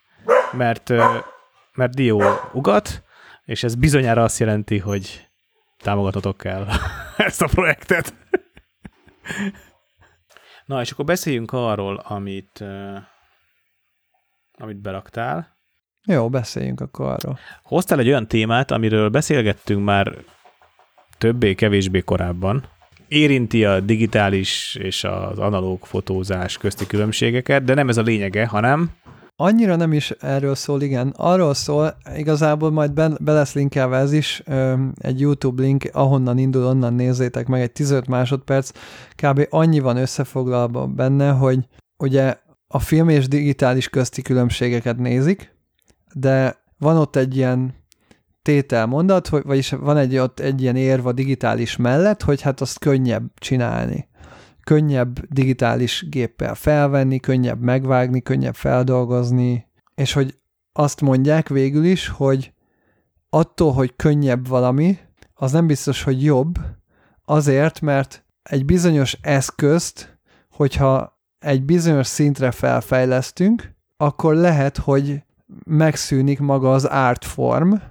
Tehát ha most nem tudom, létezik mondjuk Forma 1-es autó, azt nehéz vezetni. De ha a Forma 1-es autó önvezető lenne, és beleültetjük az embert, de minden autó önvezető, és algoritmusok alapján vezeti magát, akkor onnantól Minek ül benne a pilóta? Mondhatjuk, hogy mm, a pilóta vajon mit csinál, vagy minek van ez az egész dolog egyébként. Egy, egyébként feltételezem, hogy a Forma 1 nem követel, vagy az autó technológiát nem követel annyira, vagy nem érdekel annyira, bár azt is feltételezem, hogy a, a, hogy a Netflix sorozatot azt nézted. A, hát így valamennyi részt néztem belőle. Igen. Life to Survive. Valami Drive to Ilyesmi. Survive. Drive to, te persze hülye vagy, hogy nyilván. ne, én nem néztem amúgy, nem érdekel a Forma 1, de azt tudom, hogy a Forma egy fejlődése, ahogy megjelen, fejlődtek az autók, 90-es évek, 2000-es években már egészen modern autók voltak, hát most meg aztán pláne, hogy van egy ilyen, van egy ilyen kemény mag, akik azt mondják, hogy bezzeg a 70-es, 80-as években még vezetni kellett ezeket az autót, bezzeg az a Senna, meg a Prost, meg a nem tudom kik,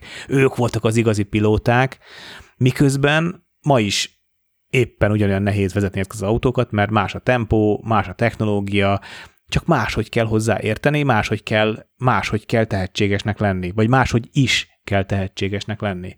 Mint ahogy ha fotózásra kötünk rá, régen érteni kellett valamennyire a fizikához, nem ártott, ha tisztában vagy azzal, hogy hogyan működik a film kémiája, hogyha hosszú záridőt használsz, akkor az nem lineárisan nő a filmnél, hanem, hanem ex, vagy exponenciálisan, most ezt nem tudom. Ma meg értened kell a számítógéphez, értened kell a képfeldolgozáshoz, az adatfeldolgozáshoz, a backupoláshoz, tehát hogy szerintem az, hogy a technológia változik, nem jelenti azt, hogy egyszerűbb lesz, hanem más lesz. Viszont pont ez a lényege ott a tételmondatnak, hogy még nem vagyunk ott, de ugye minden technológiának lehet egy olyan végső, végtelenített fejlesztése, ahová, hogyha eljut, akkor onnantól már nincs feltétlen értelme. És persze, hogy a digitális gépekkel, vagy egy mostani tükör nélküli gépekkel még nem vagyunk ott, de mondjuk tényleg, amit annó beszéltünk, hogy nem tudom, kihelyezett 3D kamerákkal egy AI-jal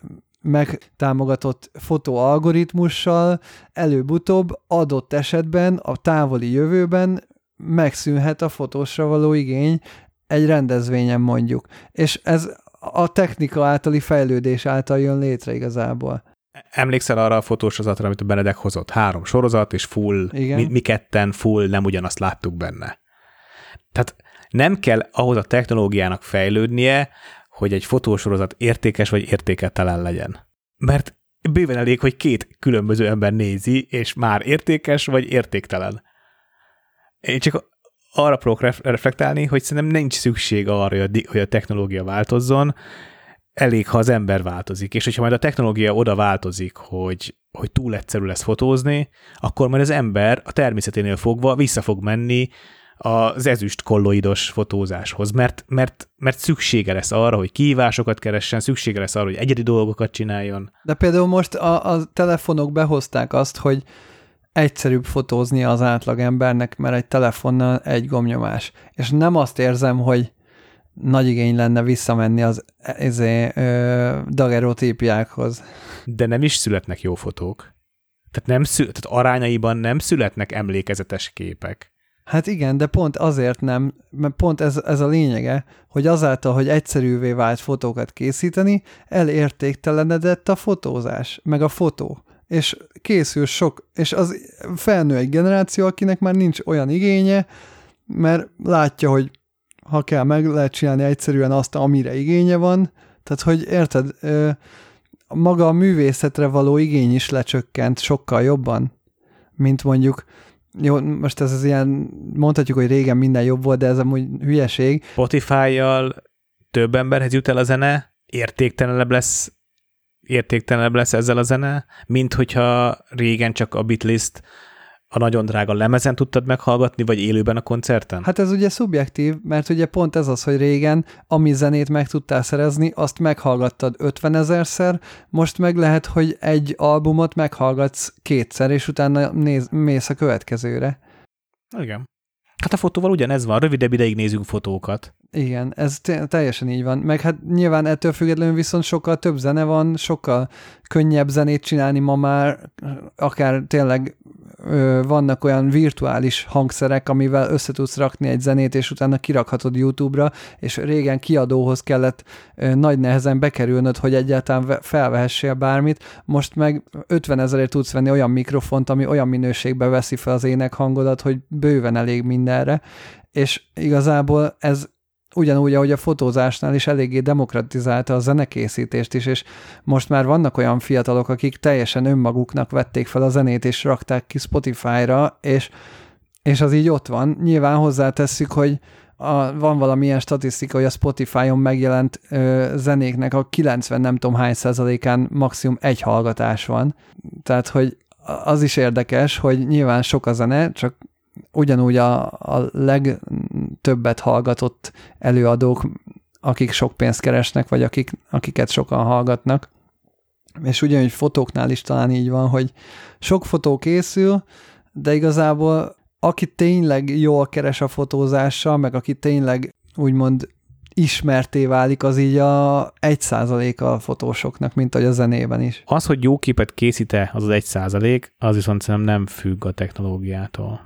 Hát az, az nem függ a technológiától végül is. Csak egyszerűen más skillsetet igényel. Tehát máshogy kell tehetségesnek lenned, mint mondjuk 20 éve kellett tehetségesnek lenned.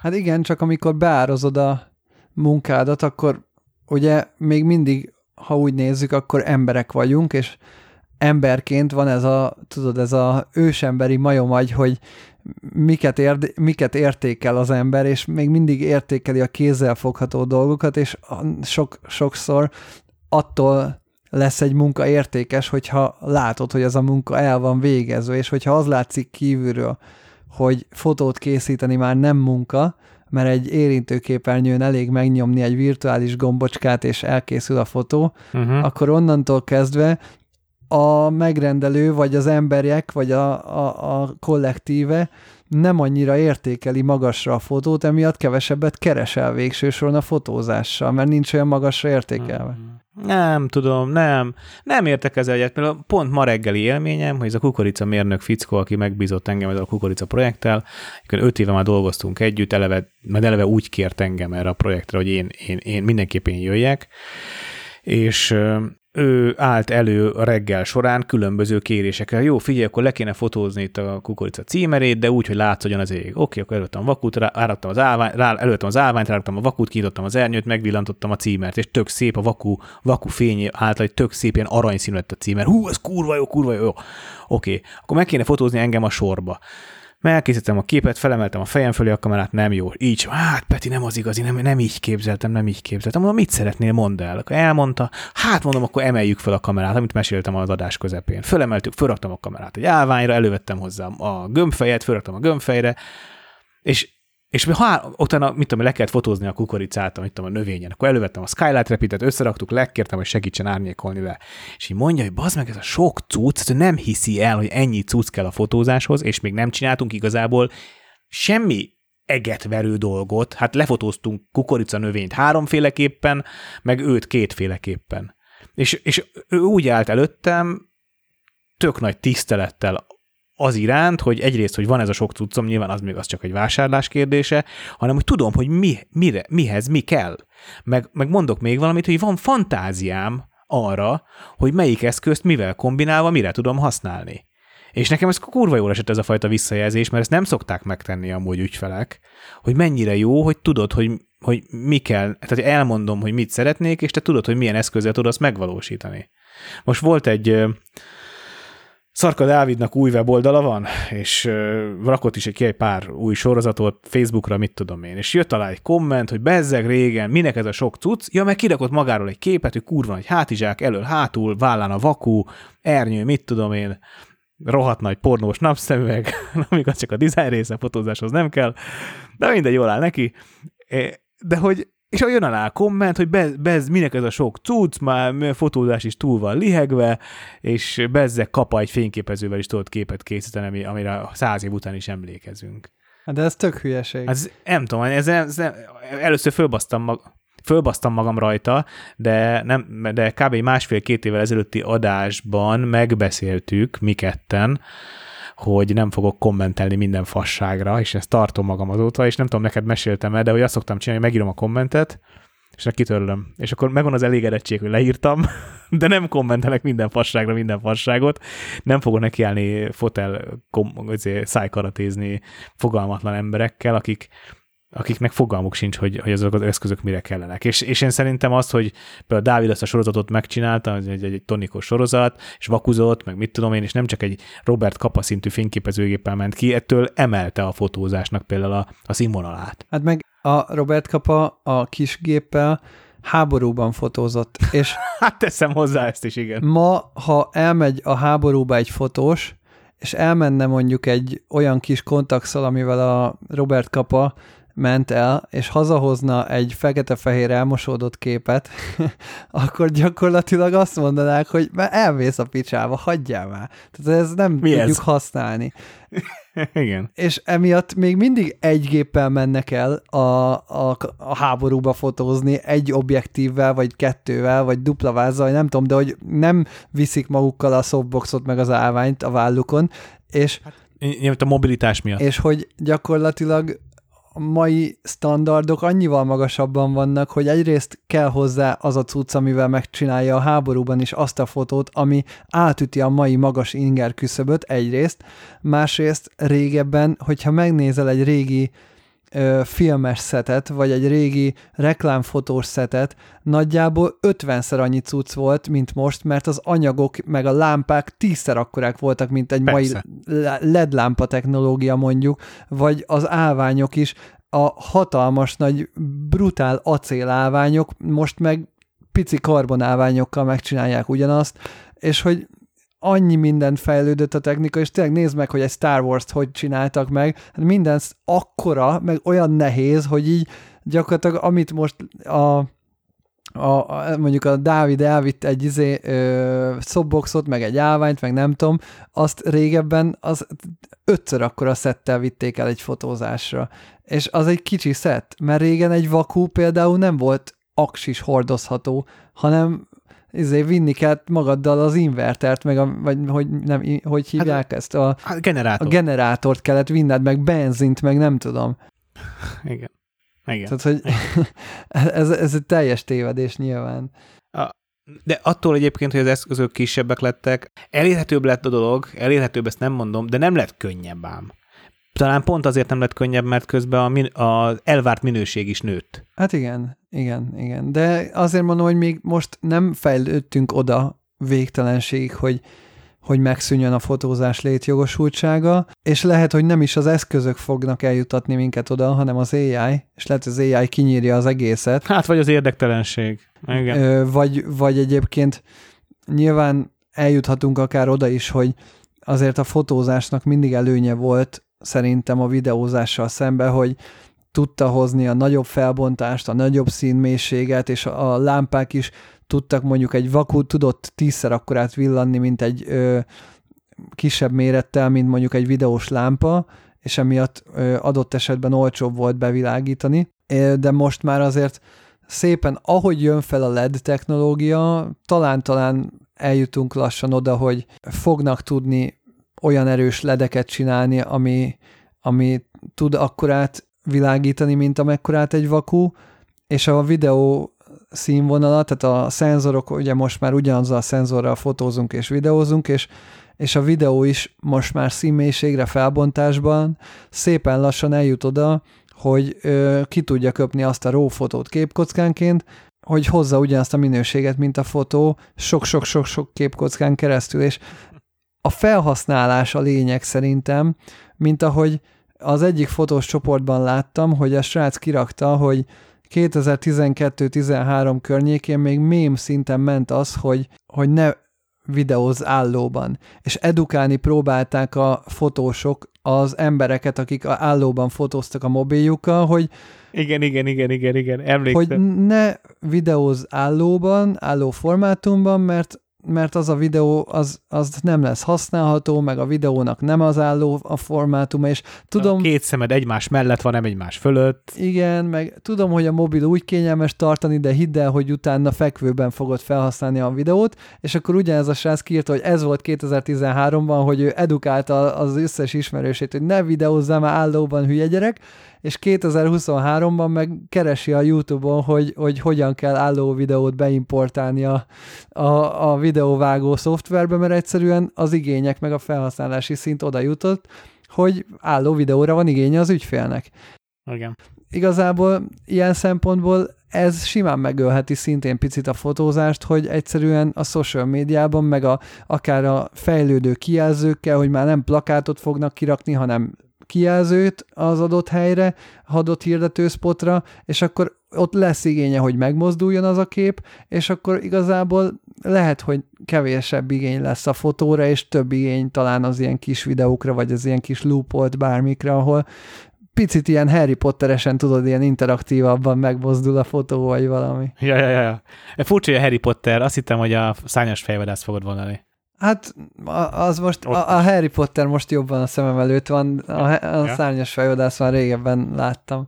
Aha. De mindegy, érted, hogy én azt látom, Értem, hogy azért persze. a videók jobban terjednek most valahogy. Hát az lehet. Én egyelőre azt tapasztalom, hogy nagyon sok fotós megbízás van. Tehát mind a ketten megrottyanunk jelen pillanatban. Jó, de például nagy márkáknál én azt látom, hogy például most a, az ilyen rövid videóik, amik, akiket én követek, ilyen nagyobb márkákat, akik azért például mondjuk egy Calvin Klein, az tökre trendsetter általában az advertisingba. Tehát, hogy, Aha. hogy a, a reklám szakmában, amit mondjuk a Calvin Klein csinál, azt utána nagyon sokan átveszik, meg, meg akár sok ruha márka is kisebbek elkezdik utánozni.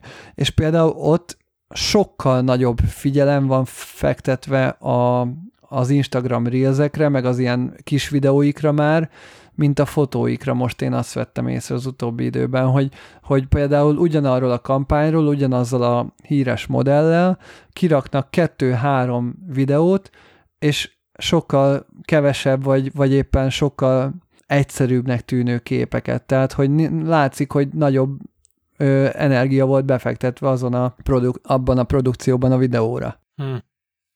Hát figyelj, elmondtam valamelyik podcastben, a vendégszerepeltem, hogy tanuljatok meg videózni, hm. tehát ja, ez van. És az a durva egyébként, hogy nem olyan egyszerű az átjárás. Tehát, hogy hiába van ott az R62-n az a kis switch, hogy fotóból mm. videóba, Mm-mm. ég és föld a kettő, teljesen, gondolkozásmódban legalábbis. Amikor fotóztuk ezt a repülős kampányt, akkor az elején mondtad nekem, hogy majd szeretnél sok rövid kis videót csinálni. És mondtam, hogy Gábor, baszki, ne, ne pazarold erre az energiádat, mert meg fogunk pusztulni a nap végére, és mondtad, de, de, bele fog férni, bele fog férni. Hányszor indítottad el a videófelvételt a nap során? Hát az elején néhányszor, de igen, nem, nem. nem. Aha. És utána elviszi, ez, ez annyira nehéz a kettőt nem együtt. Lehet. Meg az, az, hogy nem lehet a, a videót random csinálni. De azt nem, én azt nem mondanám, hogy nem lehet csak azt mondom, hogy az előre a shotlistbe be kell tervezni, ja, be kell. és akkor szerintem meg lehet ugyanúgy csinálni. Tehát nyilván a fotóba is tervezel egy csomó mindent, álló, fekvő, ide megyünk, oda megyünk. Ha be van tervezve, hogy itt videózunk, akkor ott oké, okay, kész a fotó, csak akkor ki kell mondani, hogy kész a fotó. És most kezdődik a videó. Az, hogy bele videózok a fotózásba, szerintem az az, ami nem megy. Majd a fejbe. Hát meg más a kettő, mert például a fotónál az, hogy egy helyben állnak a repülőn, az tök király. Viszont a videónál ki kell találni valami olyat, hogy akkor jussunk el A-ból B-be, mert egy videónak van egy eleje, meg egy vége. És hogy én nekem pont ez az, ami így, amit észrevettem, hogy tök nagy különbség, vagy amit így nehézség kitalálni, hogy előre látni valami narratívát, hogy hogy ez a videó, ez hogyan fog kb. felépülni, mert lehet szép sátokat kitalálni, csak az a baj, hogy a fotóknál az oké, okay, hogy egymás mellé raksz szép képeket, videónál meg nem annyira oké, okay, hogy egymásra, egymás mellé raksz szép snitteket, mert nem lesz se eleje, se vége. És így végül ilyen, lehet, hogy Instagramra egy ilyen loopolt reelnek oké okay lesz amúgy zenére, de, de valahogy azt érzem, hogy kell valami sztori a videóhoz. Pont ezt akartam kérdezni, hogy Instagramra ilyen loopolt videónak oda lehet, hogy jó, majd én, én egyébként ezzel akarok próbálkozni, tehát szeretném ezeket így kicsit kísérletezni, hogy mit lehet kihozni, uh-huh. főleg így most, most hogy az r 2 vel már tudok ilyen lassított videókat csinálni, és akkor meg ugye nekem a, az erről az, hogy nem volt stabi, az ilyen tök szívás, tehát a stabi hát, az úgy nem lehet videó. Nagyon amatőr hatása van az egésznek, Igen. de a, a szenzor stabi egyébként már tök jól megfogja a kezedet, és meghagyja azt a pont kicsit naturális izét, és hogy amit még néztem amúgy az ND, szűrők, hogy valami mágneses ND szűrők kéne, mert tök jól az R62 megtartja azt, hogy a fotós beállításokat is, tehát meg tudja tartani az ISO százat mondjuk, Igen. meg az 1 per 8000 F2-n, viszont ha átkattintom videóra, ott meg akkor ugye ISO 800-tól indul a szílog, és 1 per 50 kell, hogy legyen a, igen. záridő. De ezt megjegyzi, azt, azt is. is megjegyzi, csak az 1 per 8000 meg az 1 per 50 között akkora különbség, hogy akkor mindig legfel kell csavargatnod az ND szűrőt. Igen. És azt néztem, hogy ha akarok egyszerre fotózni meg videózni, tehát váltogatni egy projekt alatt, igen, igen, akkor igen. muszáj lenne valami mágneses megoldást. De melyik, term- melyik valamelyik gyártónak volt ilyen mágneses megoldás? Van nagyon, majdnem minden filtergyártónak van mágneses. Azt néztem, amit Bennek mondott, ez az URT, annak pont nincs olyan, hogy van a variable ND, mert én vari- olyan ND-t akarok, ami... Bocs, bocs, beugró. Tehát az a Manfrottónak, várjál már, Manfrottónak volt olyan, amit teszteltünk is, ami full de az meg már márka független, kap... mert bele tudtad tekerni a bármelyik szűrőnek a végébe. Ja, Nem emlékszel? tényleg, volt, az, nálunk, ja. volt nálunk ilyen termék. Csak azt hiszem 95 tesztelésre. millisben nincsen, és nekem a 2870 Ö, 95 millisben nincs, meg úgy emlékszem, hogy talán egy picit gyenge volt a mágnese. Hát nem tudom, de azt megszüntették azt a szériát, azt hiszem. Lehet, lehet, hogy megszüntették. De volt még a legelső évben volt nálunk tesztre. Igen, de valami, ez jó, hogy mondod egyébként, hogy van ilyen, mert az van, hogy én amit találtam, az összes filtergyártó azt csinálja, hogy van egy ilyen gyűrű, amit feltekersz a lencsére, és utána hozzá mágneses filtereket kell venni. De ugye most mondom, hogy a Variable ND, amit szeretnék venni, azokat meg nem gyártják mágneses verzióban, Igen. tehát oda kéne venni egy ilyen mágneses konvertert, amit akkor rá lehetne csattintani, és kész. Más kérdés, hogy a 28 millin ennyi konverterrel mennyire vignettálódik be egy vastagabb variable ND, bár egyébként akkor elengedem a 28 mint és kizumolok 30-ra, vagy valami. Ráadásul a 21.4-emre nem is lehet rakni ö, filtert, Hát én azért nem vettem meg a szobit annó. az is ilyen, lehet rakni, csak szívástól ilyen nagy, Igen. nem jó, mindegy. Szóval, hogy ez még, ez még majd kérdés, hogy mit lehet ezzel kezdeni. 77 milliset őszintén szóval már így nem akarok pont emiatt, mert tudom, hogy ha esetleg 28-70 F2-t megveszem, akkor uh-huh. utána a 77 milliset így ö, egyensúlyozhatom a front lencséjén, de sok értelme nincs. De Sajnos 82-es szűrőt nekem is kell vennem, ugye a 85-ösre. Ja, és hogy azt néztem, hogy a videónál, itt ennél a repülősnél, amit így próbálkozgattam, hogy ha 1 per 50 körül vagyok, simán le kellett menni ilyen F16-ra, meg ilyenekre, az meg így mennyire Hát, gagyi. meg az nagyon béna. szar. És tudom, tudom, oké, okay, hogy a izé nyitott rekesz nem mindig kell videón, meg szarul néz ki, de De az F16 egy kicsit túlzás. igen, az F16-ot azért még így is soknak érzem. Amúgy azt abszolút tudom, el tudnám képzelni majd, hogyha hogyha kicsit így belekóstolgatok a videózásba, hogy tesznek, csinálgatok ilyen a, a modellfotózások alatt egy-kettő ilyen kis mood videótól így a modellekről lassítva valamilyen kis izét gyakorlásnak. Jaj, azok, azok, csinálj, csinálj, kíváncsi vagyok, de azok annyira kellemetlenek tudnak lenni. Hát van, van egy-kettő, amit láttam Instán, ami nekem nagyon-nagyon-nagyon durván tetszik, de Tényleg? Nem, mutasd meg, mert én eddig ebből, abból én csak olyat láttam, egyébként lehet, hogy jellemzően magyar fotóstól, ami kibaszott cringe. Tehát ez a tapogatja magát a csaj, meg ott ja, nem ilyenre gondolok. azért mondom, azok nagyon azok vonaglik ott meg, tudod, ilyen erotikusan, izé, ja, nem, nem, ezt ne csináljátok, ez, ez szekunder szégyenérzet. Na, e- az a baj, én olyanokra gondolok, ahol olyan effektek vannak, hogy így az első másodpercben ö, ki vagyok tőle azonnal. Jó értelemben? Aha, tehát például most ö, láttam olyat, ahol a, Na mutass már egyet, aztán betesszük stónócba, hogy ne a levegőbe beszélj. megmutatom ezt, itt ö, csak előtte elmondom, hogy mi van benne, azt csinálja, hogy kifelé zoomol a kamera, és áll, csaj, csaj áll egy helybe. Igen. És be van karikázva rajta, mármint, hogy nem a videón, hanem az utómunkában bekarikázták rajta a ruhát, és képkockánként legeneráltak Photoshopba egy másik ruhát a lányra. És ez van, ezt váltogatja, és utána Jézus visszahozták. Isten. És például ez nekem nagyon durván tetszik. Értem. Jó, nem lep meg, hogy nem lep meg, hogy nem egy viszonylag könnyen megvalósított dolgot. Ez, ez, ez videó, ez nem full rajzolt cucc? Nem, nem, nem, nem. De nyisd meg a videót, hát Hát nézem a videót, de nekem tökre az a benyomásom, hogy ez egy full AI generált cucc. De, hogy- de hogy tudod, hogy ez az? Persze, hát ez videó, hát Ja. né, akkor Jó várjál, linkelek egy másik verzióját is ennek a videónak, az is szerintem tök jó, de nyilván ez, ezek így zenével szerintem fullosan Jó, működnek. most nem fogom zenével nézni. Ja, látom, hogy ott a modell. Csak nézd meg ezt az utolsót még zenével, hogy az effektek. Ö, Oké. Szerintem Oké. ez a halálfull megőrülés, az, De te nem vagy ilyen laza. vagy. hát ez az, na de, Tehát, ez, nem tudom elképzelni, ezt te hát megcsinálod. vagy, vagy akkor még nézd meg ezt, ez is szerintem tök jó, ez az utolsó. Ja. Na, ez kurva jó, és akkor mindjárt mondom azoknak, akik modelleket videóznak a fotózáson, hogy ilyeneket kell csinálni, nem azt, ami, amit, amit amúgy já- jellemzően látok Instán, mert az tényleg kurva kellemetlen. Na, még mutatok egy utolsót, ez meg a Calvin Klein-os, ami nekem nagyon tetszik, hogy miért nincs Magyarországon ekkora nagy, brutálisan nagy holkeres stúdió, lehet, hogy van amúgy. Na, én ilyenbe úgy fotóznék egyszer, ahol ilyen fényeket lehet csinálni. Ilyen elképesztően nagy méretű fényeket, és így lesötétedik a, a háttér nagyon szépen. Ö, szerintem van.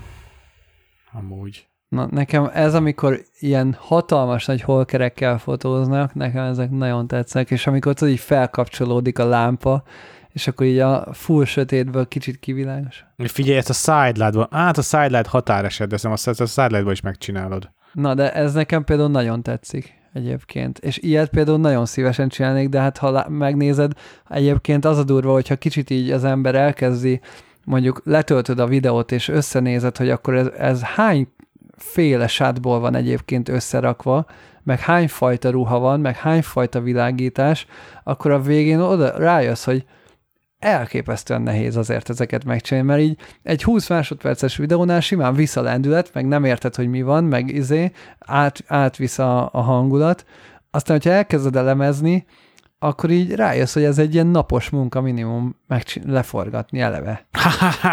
Igen. Eleve bevilágítani ezeket, meg minden. Igen. Szóval ezek ilyen egyszerűnek tűnnek, aztán még mindig bennem van a kérdés, hogy amikor például egy Instagram videónak az elkészítése mondjuk egy egész nap, mondjuk a leforgatása, meg mondjuk még két nap összevágni a mai tudásommal, vagy inkább még több is, hogyha például ezeket a nagyon durva effekteket nézzük. Gábor, ha fejlődsz a vágásban, se lesz gyorsabb, mert akkor meg több energiát teszel bele, mert jobb vagy benne. Hát igen, mint láthatjuk az effekteket itt, akkor végtelenségig nem. Meg ha megnézzük azt, hogy hogyan retusálsz, tehát nem retusálsz gyorsabban, mint tíz éve, csak jobban. Érted? Tehát, hogy azzal, hogy jobban csinálsz valamit, nem feltétlenül lesz egy gyors... Lehet, hogy gyorsulsz, de nő az eszköztárad is, és emiatt többet foglalkozol az adott dologgal. Szóval ez nem annyira triviális, hogy gyorsabb lesz. Ez a kérdésem, hogy megér-e három nap munkát egy Insta videó, ez... Kurva könnyű megszám, vagy ez nagyon könnyű megválaszolni. Élvezed? Hát igen, akkor, akkor lehet, igen, így, így könnyen meg lehet válaszolnia. Mert különben meg el se kezd. Szerintem. Hát az, de az baj, tudod, hogy az elején semmit nem élvezel, amiben nem vagy jó. Igen, elején semmit nem élvezel, mert szívsz. Egyébként jó, én nem csináltam, nem folytattam, de én kifejezetten élveztem a vágást az első perctől. Hát igen, de basszus, valahogy mégiscsak kettőt sikerült összevágnod, tehát hogy valami mégiscsak meggátolt aztán. Hát nem a vágásom múlt, egyszerűen nem, nem elkezdtem utazgatni, sokat utaztam idén, nagyon sokat, és nem esett jól forgatni bele. Tehát nem akartam elrontani a saját kikapcsolódásom azzal, hogy, hogy videózom. Majd az lesz nagy kérdés, hogy ha szeptemberben megyek az Egyesült Államokba, ott lesz-e kedvem videózni. Mert arról nagyon, arról nagyon szívesen tennék el magamnak, magamnak emlékbe filmet. De hogy lesz-e kedvem csinálni, ahelyett, hogy inkább üljek és élvezzem a kilátást, az egy kurva nagy kérdés. Hát ez egyébként lehet, hogy attól is függ, hogy mennyi effortot kell beletenni, ahogy te is mondod, hogy mennyivel egyszerűbb volt az iPhone-nal, hogy lehet, hogy úgy, mint ahogy az Ádám, hogy csak egy GoPro, és ott egy gomnyomással kikapcsolt állapotból Igen. tud re- re- felvételt készíteni, és utána az, az egy GoPro-val, hogyha te előveszed a zsebedből, egy gomnyomás, körbenézel, visszateszed, az már úgy azért még akár jó is lehet. Tök igaz, tök igaz, és könnyű váltogatni a rendes videó, a hyperlapse, a fotó között, mert ott azt viszonylag egyszerű. Én szerintem még az is effort, amikor tényleg egyrészt ott van a telefonod, az merül, akkor az kell GPS-re, éppen mész valahova, tájékozódsz a, vele, teli van a tárhely. Drón is azzal repül. Minden, minden baja van, és akkor izé nem fogsz elkezdeni, miközben éppen mentek A-ból B-be, és a telefonon megy a GPS, hogy akkor most a telefonnal elkezdje videózni. Nem, nem, a telefon az egy teljesen vak, vak, vakvágány. Igen. Nagyon, nagyon. Tök jó, nálam van rövid kis bírolokat fölvenni, tök jó, de azért a fő kamera az tök alkalmatlan. Igen, igen. Tök alkalmatlan. Ezért mondom, hogy esetleg vegyél még a zogoláshoz egy ilyen ötödik Jó van, hardware-t is. Ve- vettél már ezért gorillapodot, mikrofont, LED lámpát, mindent, Hát a LED lámpák azok nem élték meg, hogy elkezdjek forgatni. Nem, hát a Jobby az működik, az jó. A Jobbik működnek, de a, a mond már. Non-light. Non-light azok megmakkantak. A két laposba, azok az öt cég, az öt C alapos, ugye? Azok mind a kettőnek fölpupusott az aksia, garancia idő után fél évvel, a hat cének meg a gombjai mentek tönkre. Egyébként azt Twitteren is láttam, hogy másnál is felpúposodott, ez érdekes. Uh-huh. Hát jó, ez már három hónapja történt, és még nem vittem vissza. Nagyon kíváncsi vagyok, hogy tudják-e cserélni az aksiát például. Hát az nem hiszem. Szerintem az egészet cserélik, gondolom, hogy ilyenkor, ha Gari van. Hát jó, csak nincs már Gari, tehát akkor kuka. Nem tudom, ja. Hát az tök jó, érted? És már élt másfél évet, köszi. Hát, ja. Az rossz. Azt nem támogatom. Cserélve egy ötöd annyiba került, mint az Aperture. Vagy Aperture. Hát jó, Aperture. Hát jó kérdés, hogy Aperture kibír-e hét és fél évet. Hét és fél évet. Hát ha felszorzom a másikat. Ja, igen, értem. Öttel. Aha. Most lehet, hogy nem, lehet, hogy nem a hét és fél, ne számolj. Amúgy szerintem kibír hát szerintem nem, amúgy. Hét és fél nagyon sok. Jó, ez sok, igen.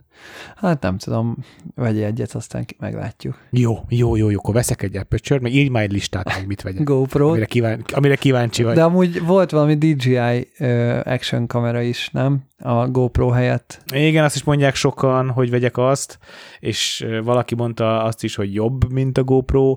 Én valahogy ilyen úgy vagyok vele, hogy vagy a GoPro még csak az industrial standard, nem? hát nem tudom. A DJI is azért eléggé industrial standard bizonyos dolgokban. Aha, lehet. Jó, nem tudom. A drónokban például a DJI az industrial standard. Az igaz, de nem drónról van szó. Jó, csak azért gondolom értenek kamerakészítéshez a DJI-nál is. Hát meg ugye a Hasselblad ugye ott van, mint szakértelem. Igen.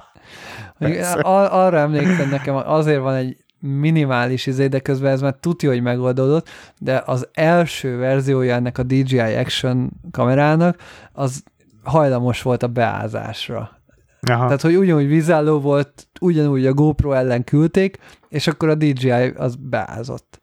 De szerintem ez az Action 4, ez, ez már így biztos, hogy elég sok mindent így ö, megoldott, meg hát tök jó, hogy elő a hátul van kijelzője a GoPro-val ellentétben, az nekem amúgy tökre tetszik. Azt, az tetszik, az jó, az tényleg jó. Hogy látod, hogy mit csinálsz, hogyha magadat videózod, szerintem az tök jó. Mondom, többen mondták nekem, hogy vegyek, vegyek nyugodtan DJ-t, sőt, hogy vegyek DJ-t a GoPro helyett, majd ha ott leszek, hogy a, megvan rá a pénzem, akkor majd eldöntöm, addig nem, addig fölösleges. A, ami kicsit zavaró, hogy mindennek meg kéne történnie szeptember végéig, de... Hát, ja. De addig még kéne vennem egy teleobjektívet is, úgyhogy... Hát vagy nem lehet kölcsönözni ilyen action kemet, csak az meg... Hát lehet, hogy havertól kérek kölcsön, az, az működőképesebb, mint a kölcsönzés. Ja. Fene tudja. Se, nem tudom, hallgatók mennyire érzékelték, hogy eléggé, eléggé sok a dolog körülöttünk, elég sok mindent csinálunk, de örüljetek neki, mert az, hogyha az, hogy sok mindent csinálunk, az azt jelenti, hogy, hogy sikeresek vagyunk a, a, a, a fő, fotó, fő munkánkban, a, vagy a fő foglalkozásunkban a fotózásban, és most tök jó track van, ami messzire mutat, és ezt Gáborral nagyon élvezzük szerintem. Benedek meg a utazásban, meg a művészkedésben éli ki magát, azt hiszem most. Igen, hát most, egy, ha csak egy kicsit tízert akarunk a következő adásról, miközben mi ketten Petivel nagyon meghitten vesszük fel az adást, Benedek éppen a Leica gyárban nézelődik, és ellenőrzi, hogy hogyan gyártják le a, a Leica fényképezőgépeket. És, és ahogy gondolom, a földön fetreng. Kérdés, kérdés, a földről lehet-e látni, hogyan gyártanak. Szóval igen, nem tudom, meg tök szép képeket néze, nézeget Berlinben, szóval majd erről fog biztosan hozni egy tök jó kis élménybeszámolót a következő adásban. Én meg vagy itt leszek, a jövő, következő adásban még valószínűleg itt leszek, aztán utána meg tudjuk-e oldani, hogy itt legyek, azt meglátjuk, azt, azt, azt nem garant, arra nincsen semmi garancia, de hát meg fogjuk próbálni persze. Köszönjük, hogy ezen a héten is minket hallgatatok. Az adás támogatói a Fujifilm, a Tripont és ti Patreonosok név szerint Turóci Gábor, Lizander Gallus Agamemnon, Mozsár Valentin, Varga Domonkos, Sámán, nagy Dóra, Mikó Vencel, Jancsa János, Sutta Dávid, Német Mészáros Bálint, Vince Robert, Vég Sándor, Buducki Norbert, Nagybai Ádám, Szűcs István, Pataki Csaba, Flender János, Tóth Szabolcs, Rövid Péter, Nelc Tamás, Berta Zoltán, Dovigyel Bálint, Szulics Miklós, Balog János, Bihari János, Nagy Attila, Komáromi Balázs, Kerékgyártó Tamás, Horváth András, Kondor Ádám, Nyírő Simon, Turjány Tuzson, Závodszki, Zavodszki Sándor, Török Péter, Wintermark, Emkari, Galambos Dávid, Karancsi Rudolf és Vince Zoltán. Köszi szépen! Sziasztok! Sziasztok!